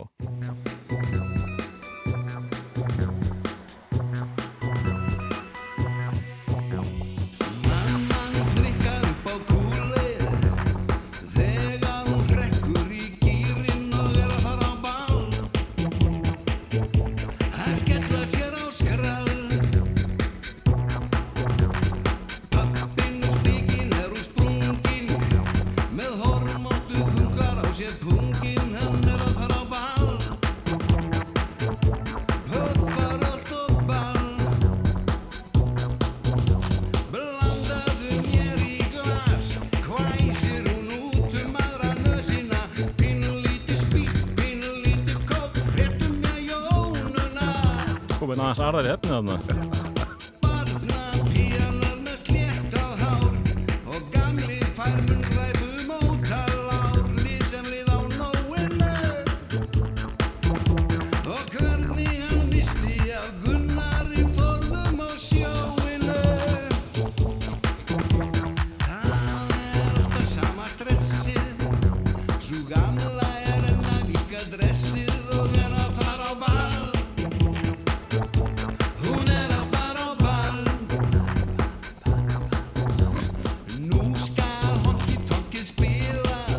komin í gamla þarna? Já. Sko, ég nota þetta aðeins svona eh, stílaða sér en sko, það er hérna í dag er það sko mamma flikkar upp á kúlið þegar hún hrýnur í það og er að fara á ball með stelpunum á skrall Mm. Pappi minn er úr spikisprungin með hormóttu þuklar á sér pungin. Hann er að fara á ball, pöpparöld og skrall. Mm Blandaði mér í glas, hvæsir hún út um hægri nösina. Pínulítið spýtt, pínulítið kók, réttum með jónuna. Pappi er orðin alveg megaklár með munnræpu rapparanum ótala ár sem lið á nóinu og af hverju hann misti af Gunnari forðum og sjóinu. Og þetta, þetta tekur í dag Já, það er alltaf kallað. Já, þú ert beðin um ekstra Ég blandi ykkur í þetta ykkur ykkur andra frey sko. Já, Ég segi bara það því að beðið mig um að uppdeita þetta en og þetta ég, ég segi það að ég hafi bara spurt hvað er að uppdeita og þá kom Dotti náttúrulega með nördasvipun og sagði, færa til nútímalegs horfs. Mhm. En segðu mér uh, þegar að þú varst að uh, sebja þetta lag Já, uh, við þurfum ekki að rífast um það þetta er þitt tektasta lag já, já, börn í dag syngja þetta ennþá já, sko. já. uh, Vissur þú hvað varst með í höndunum? Nei, Já, Var það- einhvað lag á plötunni sem að þú sagðir þetta verður smellurinn? Nei. Þú varst ekki, þú varst Nei. Nei. ég hef aldrei hugsað svona. Ég var vottorðið Nei, ég hef aldrei reiknað með því að þetta er eitthvað sko sem að, En þú ert allan með einhvað, sko, ef einhvað slæri gegn þá verður það þetta. já, já, þá Var það þetta lag? Já, já, Já. Það, þetta, sko, þetta er þema og svo sunnudags morgunni þegar sko, daginn eftir, sko, þegar, Mm. þegar þau vakna, sko, og það er allt í klesu, sko, og hérna, það voru gestir hjá þeim í alla nótt, sko. Ég held að mér hafi svona unni mest í lagin sem heitir Sound of Music, sko. Já, já. Og þar, þar fóru þeir algjörlega kostum með svo menn, sko. Mm. Og, í gegnum alla plötuna. Það Var ekki gaman að vinna með Jú, þessu mönnum? þetta er bara háskóli hver skiptið sem þú vinnur með svona mönnum, sko. Þetta, Ef ef þú kemur hérna, herðum, ég var til að hafa svona, þá komuði bara með svona. Já, já, mér sé það sko Björki Gísla hafði aldrei látið mig spila á gítar sko Mm. en að því að og, og, og svo þurfti ég ég spilaði svona demo um plokk sko gítarinn í svona og, og í ljúft en sárt sko Mm. og, og þá sé ég frissi við mig herru þú spilar þetta bara sjálfur hérna, plokkið og ég sagði Fredrik, ég kann ekkert að plokka. Ég er ekki gítarleikari svona nefnum bara í nöð ég kann ekkert að plokka, sagði ég já þetta er samt svo flott skilur og, og þarna sko, þarna var einlega að gefa mér bara sens sem að ég var, var, var bara vann úr síðan sko. E, að því þú minnast á Björgun Gillason, ég gleymd að spyrja þig áðan, var ekki svolítil upplifun fyrir þig að vinna með honum? Hann hlýtur að hafa verið þér þegar þau varst yngri. svona heldur betur, þetta var bara aðalgurinn Já. Ótrúlega fær gítalegari. alveg svakalega og gott að vinna með honum bjöka sko Mm. og hérna svona skemmtilegu ná ekki sko. Já. þusa svolítið svona í manni sko.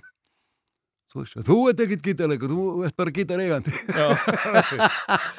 En, en þú ert komin út þarna, við erum að fara að hinga og þangað í sögunni, það er bara því besta mál. Uh, og uh, þú svona hálfpartin gleymist þetta heima, þú ert svolítið lengi úti og Já. gefur lítið út. Gaf ekkit út. Hvenar, hvenar kemur uh, Bjartnaðan aftur sterkur á, á velli sko ég er, við erum út í, ílengdum stúti sko þannig að, að hún var sjö ára, yngsta dóttir okkar sko, eða mín og, og, og hérna og sjö ára og kom heim ferminga árin sko mm. og það, þannig að það var, voru all sko grunnskóla árin hjá henni þar sko Já, já, þannig að hún fór bara út aftur núna nýlega með bönni sín og, og mann sko já, hún er svona dansk í sér já, hún Já. bara, hún, festist það rætur sko og við eigum líka svo stóra fjölskyldu í Danmörku sko uh, Þá varstu meira í málningunni heldur en tónlistinni eða ekki? já, einn göngu sko Engungu ein, það er bara svona, ég fer í þetta ég fer í þetta sko samnáræna höfundaband mm. og svo var maður alltaf eh, svona kift innan að kasti sko í verkefni og tala nú ekki ef Íslendinga voru að koma saman sko, þá, þá hérna var maður það stundum sko? Ég er átt að maður einu, ég glemdi einu. Uh, Ég vil endilega fá lag sem að uh, minnið á, á úlingsárin Já. Áttu þér einhver lag sem að er úlingalagi hans Bjartnars sko það er nú bara heil plata sko. Já, við, við höldum okkur við eitt lag. Já. Við ætlum ekki að renna eitri plötu hérna. Nei, ég býst við að, að hérna sko, það er það er, ef ekki að segja að sé að sé We used to know með Jethro Tull. We used to know. Já, whenever I get to feel this way. Af hvaða plata er það? Allir Ég, þetta sé ekki af stand-up eða benefit, ég man það ekki. We used to know. Ég, We used to know.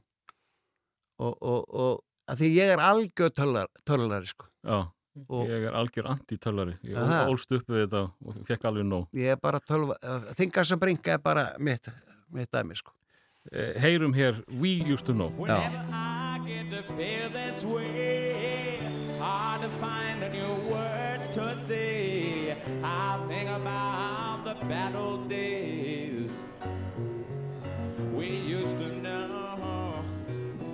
nights of winter turn me cold. Fears of dying and getting old.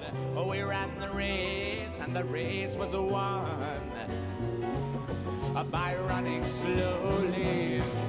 Cut me soon I taste the sound. Slowly upstairs, faster down, and then revisit stony ground.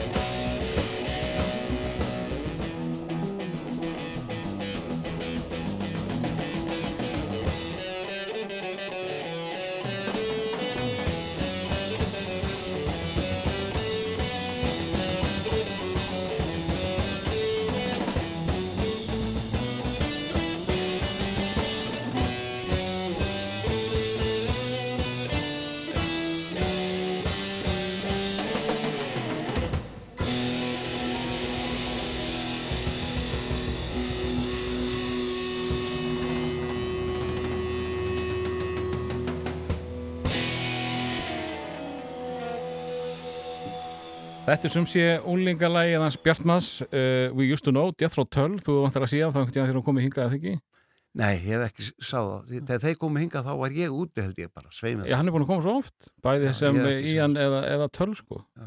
Nei, en uh, við uh, vorum, uh, jú, þú varst að mála Það er ný plata með hún núna sko sem ég er búin að hlusta á Spotify sko. Já, Æðisleg. æðisleg, Já, ennþá þinn maður já. Neil Young og svo, svo, svo annað sem að sem að hérna sem að sko píónleikari hann hérna Leon Russell sko. Já, já, Þetta voru mínir menn sko. á þessum tíma Já. Já. Úlingsvarnu. uh, En við erum að mála Við erum í miðri málingavinnu Já. og uh, þú uh, ert lítið í tónlistinni meðan þú ert úti, þú ert í þessu samnorrana bandi þarna þegar þú kemur heim hva, hvað gerur þú þá? Ég var bara mjög, mjög, mjög veikur þegar ég kom heim sko. Já, vegna þess að ég hafði slasast 25-6 ára og, og sem sagt e, fótbrotnað og ég gekk fótbrotinum í 27 ár Já með stingandi sásauka allan tíman já, megnið af all, allan tíma síðustu, síðustu árum voru alveg hræðileg sko, það var bara orðið svoleiðis að það var bara orðið svoleiðis að e, lífslöngunin var að hverfa sko, komið svona smá döða þráin í, pakkan sko. Mm. og, og hérna þess vegna fóru, fóru við heim sko. Þannig að sko ég bara slasaðist 24-5 ára 25 ára held ég. Og, og það var ekkert stór slís það var ekkert mikið ökla brot en slísi gerðist á landsbytalan sko Mm. þar var því líka legnamistök að, að það var bara alveg ömurlegt að vita til þess og ekki einu og, og, og, og hvorkið síðustu eða fyrstu legna mistök hjá þessum manni sko sem að má nú ekki, ég tala ekki um hvað hann heitir Mm. en hann var nú heldur bara settur út úr þessu allavega voru lagnamistökin fleiri en eitt og fleiri en tvö sko. og, og ég er bara orðið svo slappur og flytjum austur á Eyða og erum þar í 12 ár því að Marja kona minn hún var sem sagt svæðisfulltrúið Rauðakrossins á Austurlandi bara allir sko, Mm. 11 deildir og þannig að ég fór bara að vinna þarna hjá bænum við, við gerum húsum að mála og svona gat voru að lítið gert en harkaða mér og svo gæti ég ekkert orðið hrifni þannig að ég var komið farin með orðið feitur gæti ekki hrifni og, og þungliti alveg svolítið í, í, massaví sko, bara held í stiðum sko, svartíni sko. Og þegar að ég hérna segi við Marít morgunni ég er búin að vaka nótt eftir nótt eftir nótt mörg ár sko, mörg mánuð þá segi hann, hefur Marít viltu fara hérna yfir á göttuna og það bóndi þar sem hétt Keli? Viltu fara hérna yfir og byggja hann Kela koma í kindabissun og, og klára þetta fyrir mig, ég get ekki meira hann verður ekki sóttu til saka og þá sá náttúrulega fjölskyldna að þetta var orðið sko svakalega erfitt mál sko. Og, og en Bent Weber, rektorum minn í Danmarku hann bara vissi hvað var að gerast og hann fer með mig háskóla sjúkurassi og þessu og lætur rannsaka með það sko. Kemur hann og sækið þig? Ja, Nei, ég var þá ennþá út í Danmarku, þess að fór ég að koma heim. Og hann bara sér að þetta gengur ekki, ég segi nú frá þessu. Og, og ég fer til beina sérfrænga þar úti og þeir segja bara við mig, hvað, fórst ekki til læknis og fóbrotnaðir? Ég sagði, jú Já, þegar þú lítur að fara á bílavakstað, þú ert ennþá fótbrotin og nú segi, ég, já, öklin er bara brotin og það er svæði og ég bara fess svo heima eins og ég sagði þér og Gerður ekki dýði? ég fó, bara heim Já. ég er búin að fara þrísa sinni á landspítala og láta tekka á þessu. Hef sennilega hitt bara alltaf á sama mannin sem gerði aðgerina Mm. því hann vildi ekkert gera neitt úr þessu. Og, og, og, en það er út í Danmark sem þetta kemur upp. Og svo baði ég bara sem sagt alltaf að fá keila fyrir minn næsta bækallin til þess að klára þetta fyrir mig. Sem kannski sagt svona meiri hálkæringi sko Mhm. en, en allavega þá, þá eh, fara dætu vinna á stað og, og Elma Björkum bara vissi að lækni sem gæti redda þessu sko og það var Guðmundur Öll Guðmundsson hjá Orkuhúsinu sko. Og hann tekur þetta bara í gegn og, og, og, og þá ég bara það var komið 5-6 mm brjósk þannig að broti gekk ekki saman sko, Já, já. bara brjósk. Þeir tóku bara löpinn eitthvað inn í sundur og negldi hennar með svona nekkel og ég er einlú játni því ég negldi hérna í hökunni líka sko Og. Já, en, en eh, svo fór ég aðra aðgerð til að klára pakka fyrir tveim ára síðan það var, það var, það var hryggurinn sko, sem hafi komið út úr þessu slísi sennilega og það var að, að, að hérna, loka mænugöngunum og e eða líka þetta þannig að ég var, var orðið voða slappur sko. Mm. svo hef ég gert við þetta og nú er ég bara að æfa hérna moonwalk En, en sko, uh, það hefur þá vantarlega verið í ferlinu því að, að uh, þú náttúrulega, uh, ég veit ekki hvort að segja þetta segja uh, með comeback, en, en þú kemur aftur með látum. Já, það er Með risunauðinu Já, já, það er sko málið það þegar ég er komin þarna búin að fá lækninguna þá er ég til, ég var hættur ekki að staða á sviðinu skilur Mm. vildi þá ekki vera að sína mig svona sko, þetta var einu langikið og, og svo bara hérna er ég að vinna þetta fyrir austan og, og allt í einu bara heyri ég röddin í útafinu þannig að Guð blessi Ísland. Já, og þá var náttúrulega allt aðinleis og allt og, og ég var samt að skrifa texta. Og, og hef samband við sko Birgir Rapp Gíslason, gítalegari hann stopnaði nú Bergssona fyrir mig sko. Og Július Guðmundsson Rúna Júlsson mm og við fengum Egil Rappsson á trommur og, og hérna og svo höfum við verið með hinn á þessa kýparleikara sko. Og, og þá er ég bara komið, þá komið kreppa. Þá stopnum við Bergrisuna en ég hafði farið e, með Rúna Júl held ég bara sama árið ég og, og Rúni og, og Ma- Marjörnar okkar og, og Balli bróði Mæju Mm. fór til Jamaica og, og þá finn ég bara að ég er að fá kraftin sko skilur af hverju fóruðu þangað? Já, ég veit að ekki bara Fíla Rúni grassið það sem það ha, Fíla grasið það sem að græði? Já, ég býst við það að leik, líka verið bara einhver svona starfskynning. Já. og hérna, allavega þá ringir hann í mig sko halva ári áður og við vorum náttúrulega í daglugu sambandi og rúna þetta var fóstbræðara lagi bara alla tísi, ég var 16-17 ára sko Mm. Og tektust alltaf og svo þegar ég, ég fer að gera plötna í hana þá var þetta bara daglegt samband sko Já. og vinnalegt og indislegt og, og þá segir var að við erum að fara til Jamaica láttu Maríu vita. Og hæ, sagði ég, við erum að fara til Jamaica já, í februar og ég bara let Maríu vita og hún sagði bara, ok. Það var ákveð að fara. Og ég segi, hvað hva, hérna okkur er að fara til Jamaica, "Ja, við þurfum að eiga smá stund þar sagði hann og, eitthvað svona þess og, og hann vild sagði, við förum til Negril það er friðsamast og fallegasta borg í heimi og þar er fegursta sólalag í heimi. Og svo bætta við kannski utan, já nema kannski garska í hann, hann nú aldrei farið lengra frá. Og við fórum þarna bara og svo skurupum við til Negril og við sátum þarna í, í, í, í hérna já, í klettunum.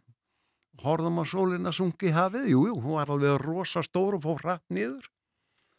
Og þá segir Rúnar því líku veistla fyrir heilan. Og þá verður til því smellur. veistla fyrir heilan mælti rockskáldið og tók sinn ástardans og hann, þá fór hann að dansa um mæju og svo þegar við komum heim þá var ákveðið að fara með FDT til, til Liverpool. Það var æðisleg ferð. Og, og, og sáum þar McCartney. Mm. og, og svo fórum við að heipa hátti í Vestmann þetta var þryggja eiga hátti árið sko. Og hérna þetta var alveg verulega gaman sko. Svo samtíð sko sem negrill sem minningaljóðum rúnar sko. Og, og það er svona lag sem ég verð alltaf að spila sko. Líkt og ástarljóð sem enginn fekk að njóta. Eins og gulnað blað sem geymir óræð orð. Eins og gömul hefð sem búið er að brjóta. Þar er ég, þar er þú, þar er allt það sem ástin okkur gaf Þannig týnist tíminn Þannig týnist tíminn Þannig týnist tíminn þó hann byrtist við og við Þannig týnist tíminn Besta dægulag Íslandsögunar. Hvað héttu þættir í sjónvarpunni? Þetta var uh, sko óskalega þjóðarinnar frá ní- 1800 1944 til 2014 óskalega þjóðarinnar Það er lag sem að þú syngur ekki. Nei. Af hverju? Ég var bara beðin um að búa lag fyrir Ragnar Bjarnason og það var svo auðvelt fyrir mig því að röddin var búin að vera sko uppáhaldi mitt í síðan var krakki og, og, og hérna ég var búin að skrifa, ég skrifaði bók sem heitir þannig tínistímin Mm. og er svona skáldæfisaga sko og þetta var sko sem sagt ég var að vinna í þessu ljóði svo gerist það bara einhvern veginn að ég, þetta er austur og eðum og gerist það einhvern veginn að ég er bara með teipið í gangi inni og er að syngja þessa lagalínu. Og þá kemur Marja hlaupandi inn og segir haltu þessu, haltu þessu, haltu þessu, ekki takk yfir þetta. Og ég segi hvað okkur ekki? Því að þetta er, þetta er æðislegt, þetta er meira á þetta ekki takk yfir þetta. Þá bara komst ég að því að lagi var bara einhvern veginn í ljóðinu sko og þetta er, kom svo fljótt sko en texti var rosalega lengi að skrifa hann. Já. notaði svo bara fyrsta, fyrsta. Já, þú sagði mér einmitt áðan hérna baku tjöldin að uh, þú hefur skrifað textan og eitt svo löngum tíma í að betrum bæta. Já, endaði síðan með bara fyrstu já, það passar. Er það, er það algengt? já, mjög algengt. Já. já, Þú heldur að sé eitthvað meira þarna en þú ert komið með það fyrir löngu síðan. Já. uh, að því þú minnast á Marju er hún, uh, hefur hún hjálpað mikið til í gegnum tíðina? Já, hún er, var í söngskólanum og, og hérna lærði þar sko og, og skrifa nótur og annað þýlið sko Mm. og, og er bara frábær tónlistamanniski sko og tónlistakona og, og hérna en hún bara hætti og, eins og gerist og gengur sko. En er hún ekkert að detti í, hefðu, Bjarnar minn, eh, hvað með tararara hér? Eða, Nei, jú, að það er alveg komið sko, veistu það, ef ég er að búti til lög sem henni ekki líka, þá kemur það við að rosalega leðilegu svipar á hana sko. Að ég þekki þann svip og búin að þekka núna í 40 ára næsta ári sko. Ha. ok, ok. Þannig að Stundum- þú leggst bara í svipin. Já, Já. já. einhvern tíma var ég að þræta hann og þá segir hún við mig hérna, þú sagði stundum Bjarmar, ertu heilalös? Svo þurfti ég náttúrulega og þurfti að fara svona í alls konar röri þarna því að ég er flogaveikur og síðust árin hef ég verið að fá nokkuð þéttkost sko, Mm. þannig að, að hérna þannig að ég hérna settur stundum í rörið sko Ég veit ekki hvað það tala um, sko. Ég veit ekkert hvað það tala um. það er, það er hérna Já, na, skanna er hann hann. skanner sko þér er hýtt inn í þetta öllum þetta skannar alltaf líka mig, ég kalla þetta rörið Einmitt. Og, þarna fer ég í rörið og, og þetta er stórt kast sko. En, en ég ætla að taka fram að nú er ég á mjög góðu lifjum þannig að ég get leiðið niður í kannski nokkur ár sko. Já, já. og, og hérna hann setur mig í þennan skanner sko og, og Bjarnar menn, þú ert alveg í sómanu, þetta er allt í sómanum. Fín, fín, fín, já, nýrum bara góð, þetta er allt í læg og, og svo er bara kjarta þetta slæði vel, það er ekkit að þér sem að þetta, ég, ég segi hvað þess að rama strublanir í hausnum og ég með allt og hraðspólandi hægra heilagvili eitthvað, eitthvað svona skýring hér í þessu. Nema hvað að hérna og, og heilin er bara í fínu standi hann. þetta er alveg svakalega fínt allt saman og hvað heilin, er ekki með heila? Segi ég. Já, ert með hérna fína heila. Hérna, hefur eitthvað efast um það já, ég fengi þessa spurningu hjá frunni svona hann að kasti hvort ég væri heilalur. Og blessa, taktu ekki næri þetta heyrir maður alltaf hann að kastu saði heila sérfæðingur svo horfði hann á mig og segi þú vilt kannski prenta út mynda heilanum?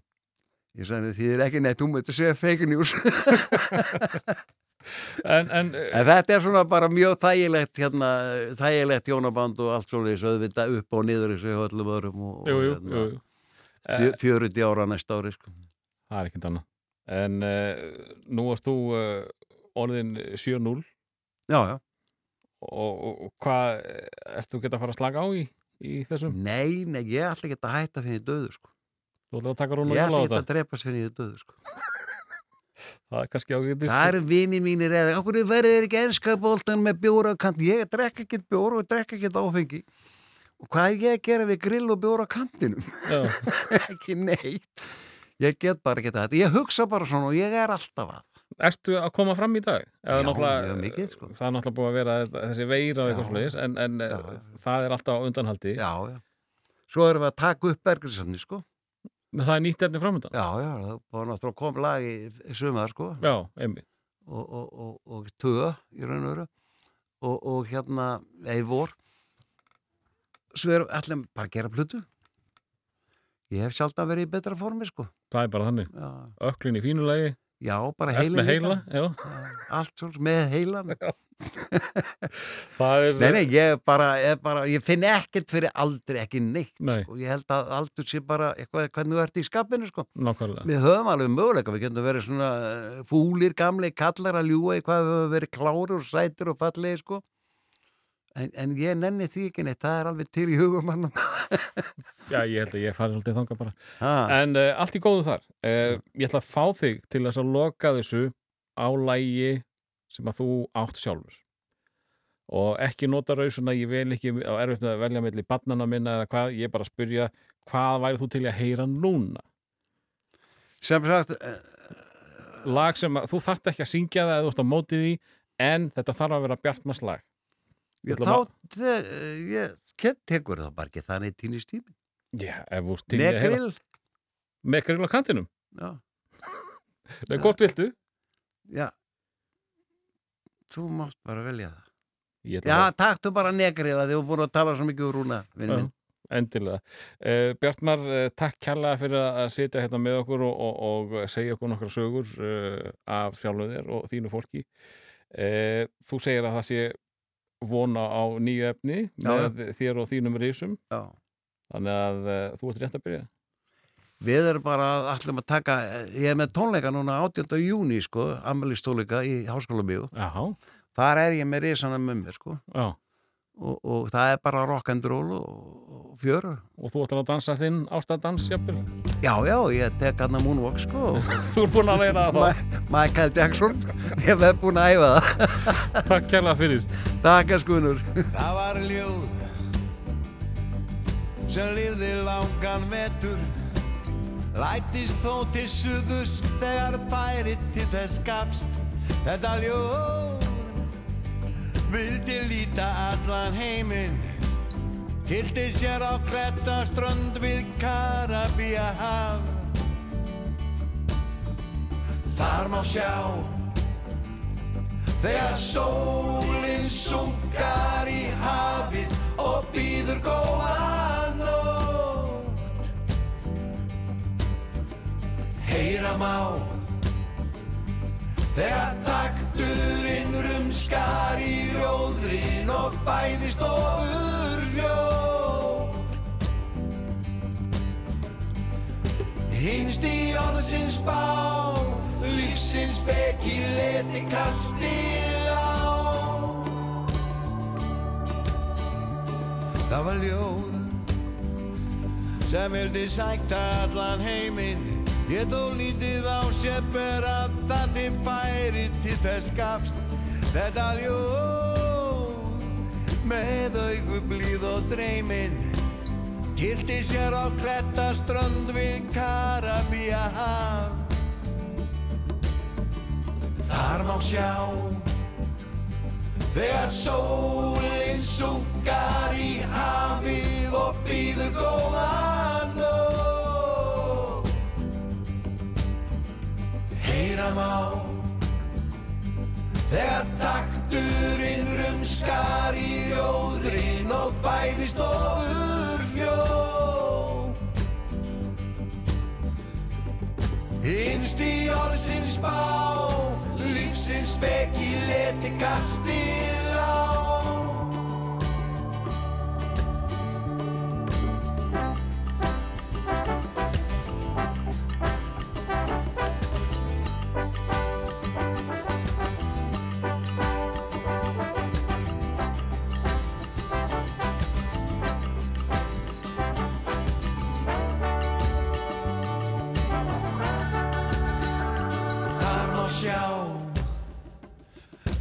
sólinn sunkar í hafið og býður góða nótt. Heyra má Þegar takturinn rumskar í rjóðrin og fæðist ofur hljó Hinst í orðsins bá Lífsins beggi leti kastil á. Þvílik veysla fyrir heilan mættir og skáðið og steigsinn á startans